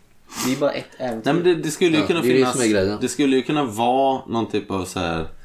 Man skulle kunna spela flera äventyr ändå. Ja. Ja. Där det bara handlar om att liksom få saker på rätt kurs så att säga. Mm. Det kan ju vara massa problem som uppstår under den här resan då man kanske har någon förhoppning om att ja, men vi kanske kan göra någonting. Jag vet inte. Ja, men nu kan inte jag heller återberätta hela Aniara men det finns liksom så här en, en särskild sal där den här sångerskan står och sjunger eh, och saknaden av jorden och så finns den här stora datorn som skickar ut signaler från eh, Doris, jorden och, och sådär liksom. Mm. Så den settingen, eh, de som har läst, det är ingen idé att jag beskriver det liksom, men de som, de som har läst Aniara vet vad jag pratar om. Liksom. Det är väl ingen som har läst ja. Nej, men gör det då. Ja. Det var det sista. Ja, eh, tack Adam för ditt sista bidrag där. Vi eh, tar och nöjer oss så för kvällen. Och så hoppas jag att det blir en samtalspodd till eh, inom kort. Det här är kul att sitta och bara snacka skit. En kväll. Det bästa som finns. Ja. Gerard. Plågat, plågat ja Du ska hem och läsa Aniara nu. Mm. Ja, det är väl lika bra. Du har väl en kopia hemma? Ja. Vem har inte det? Harry Mattinsson. Okej, stort. Tack för att ni lyssnar. Ha det så bra. Vi hörs. Tja. Hej då. Bye bye. Tja!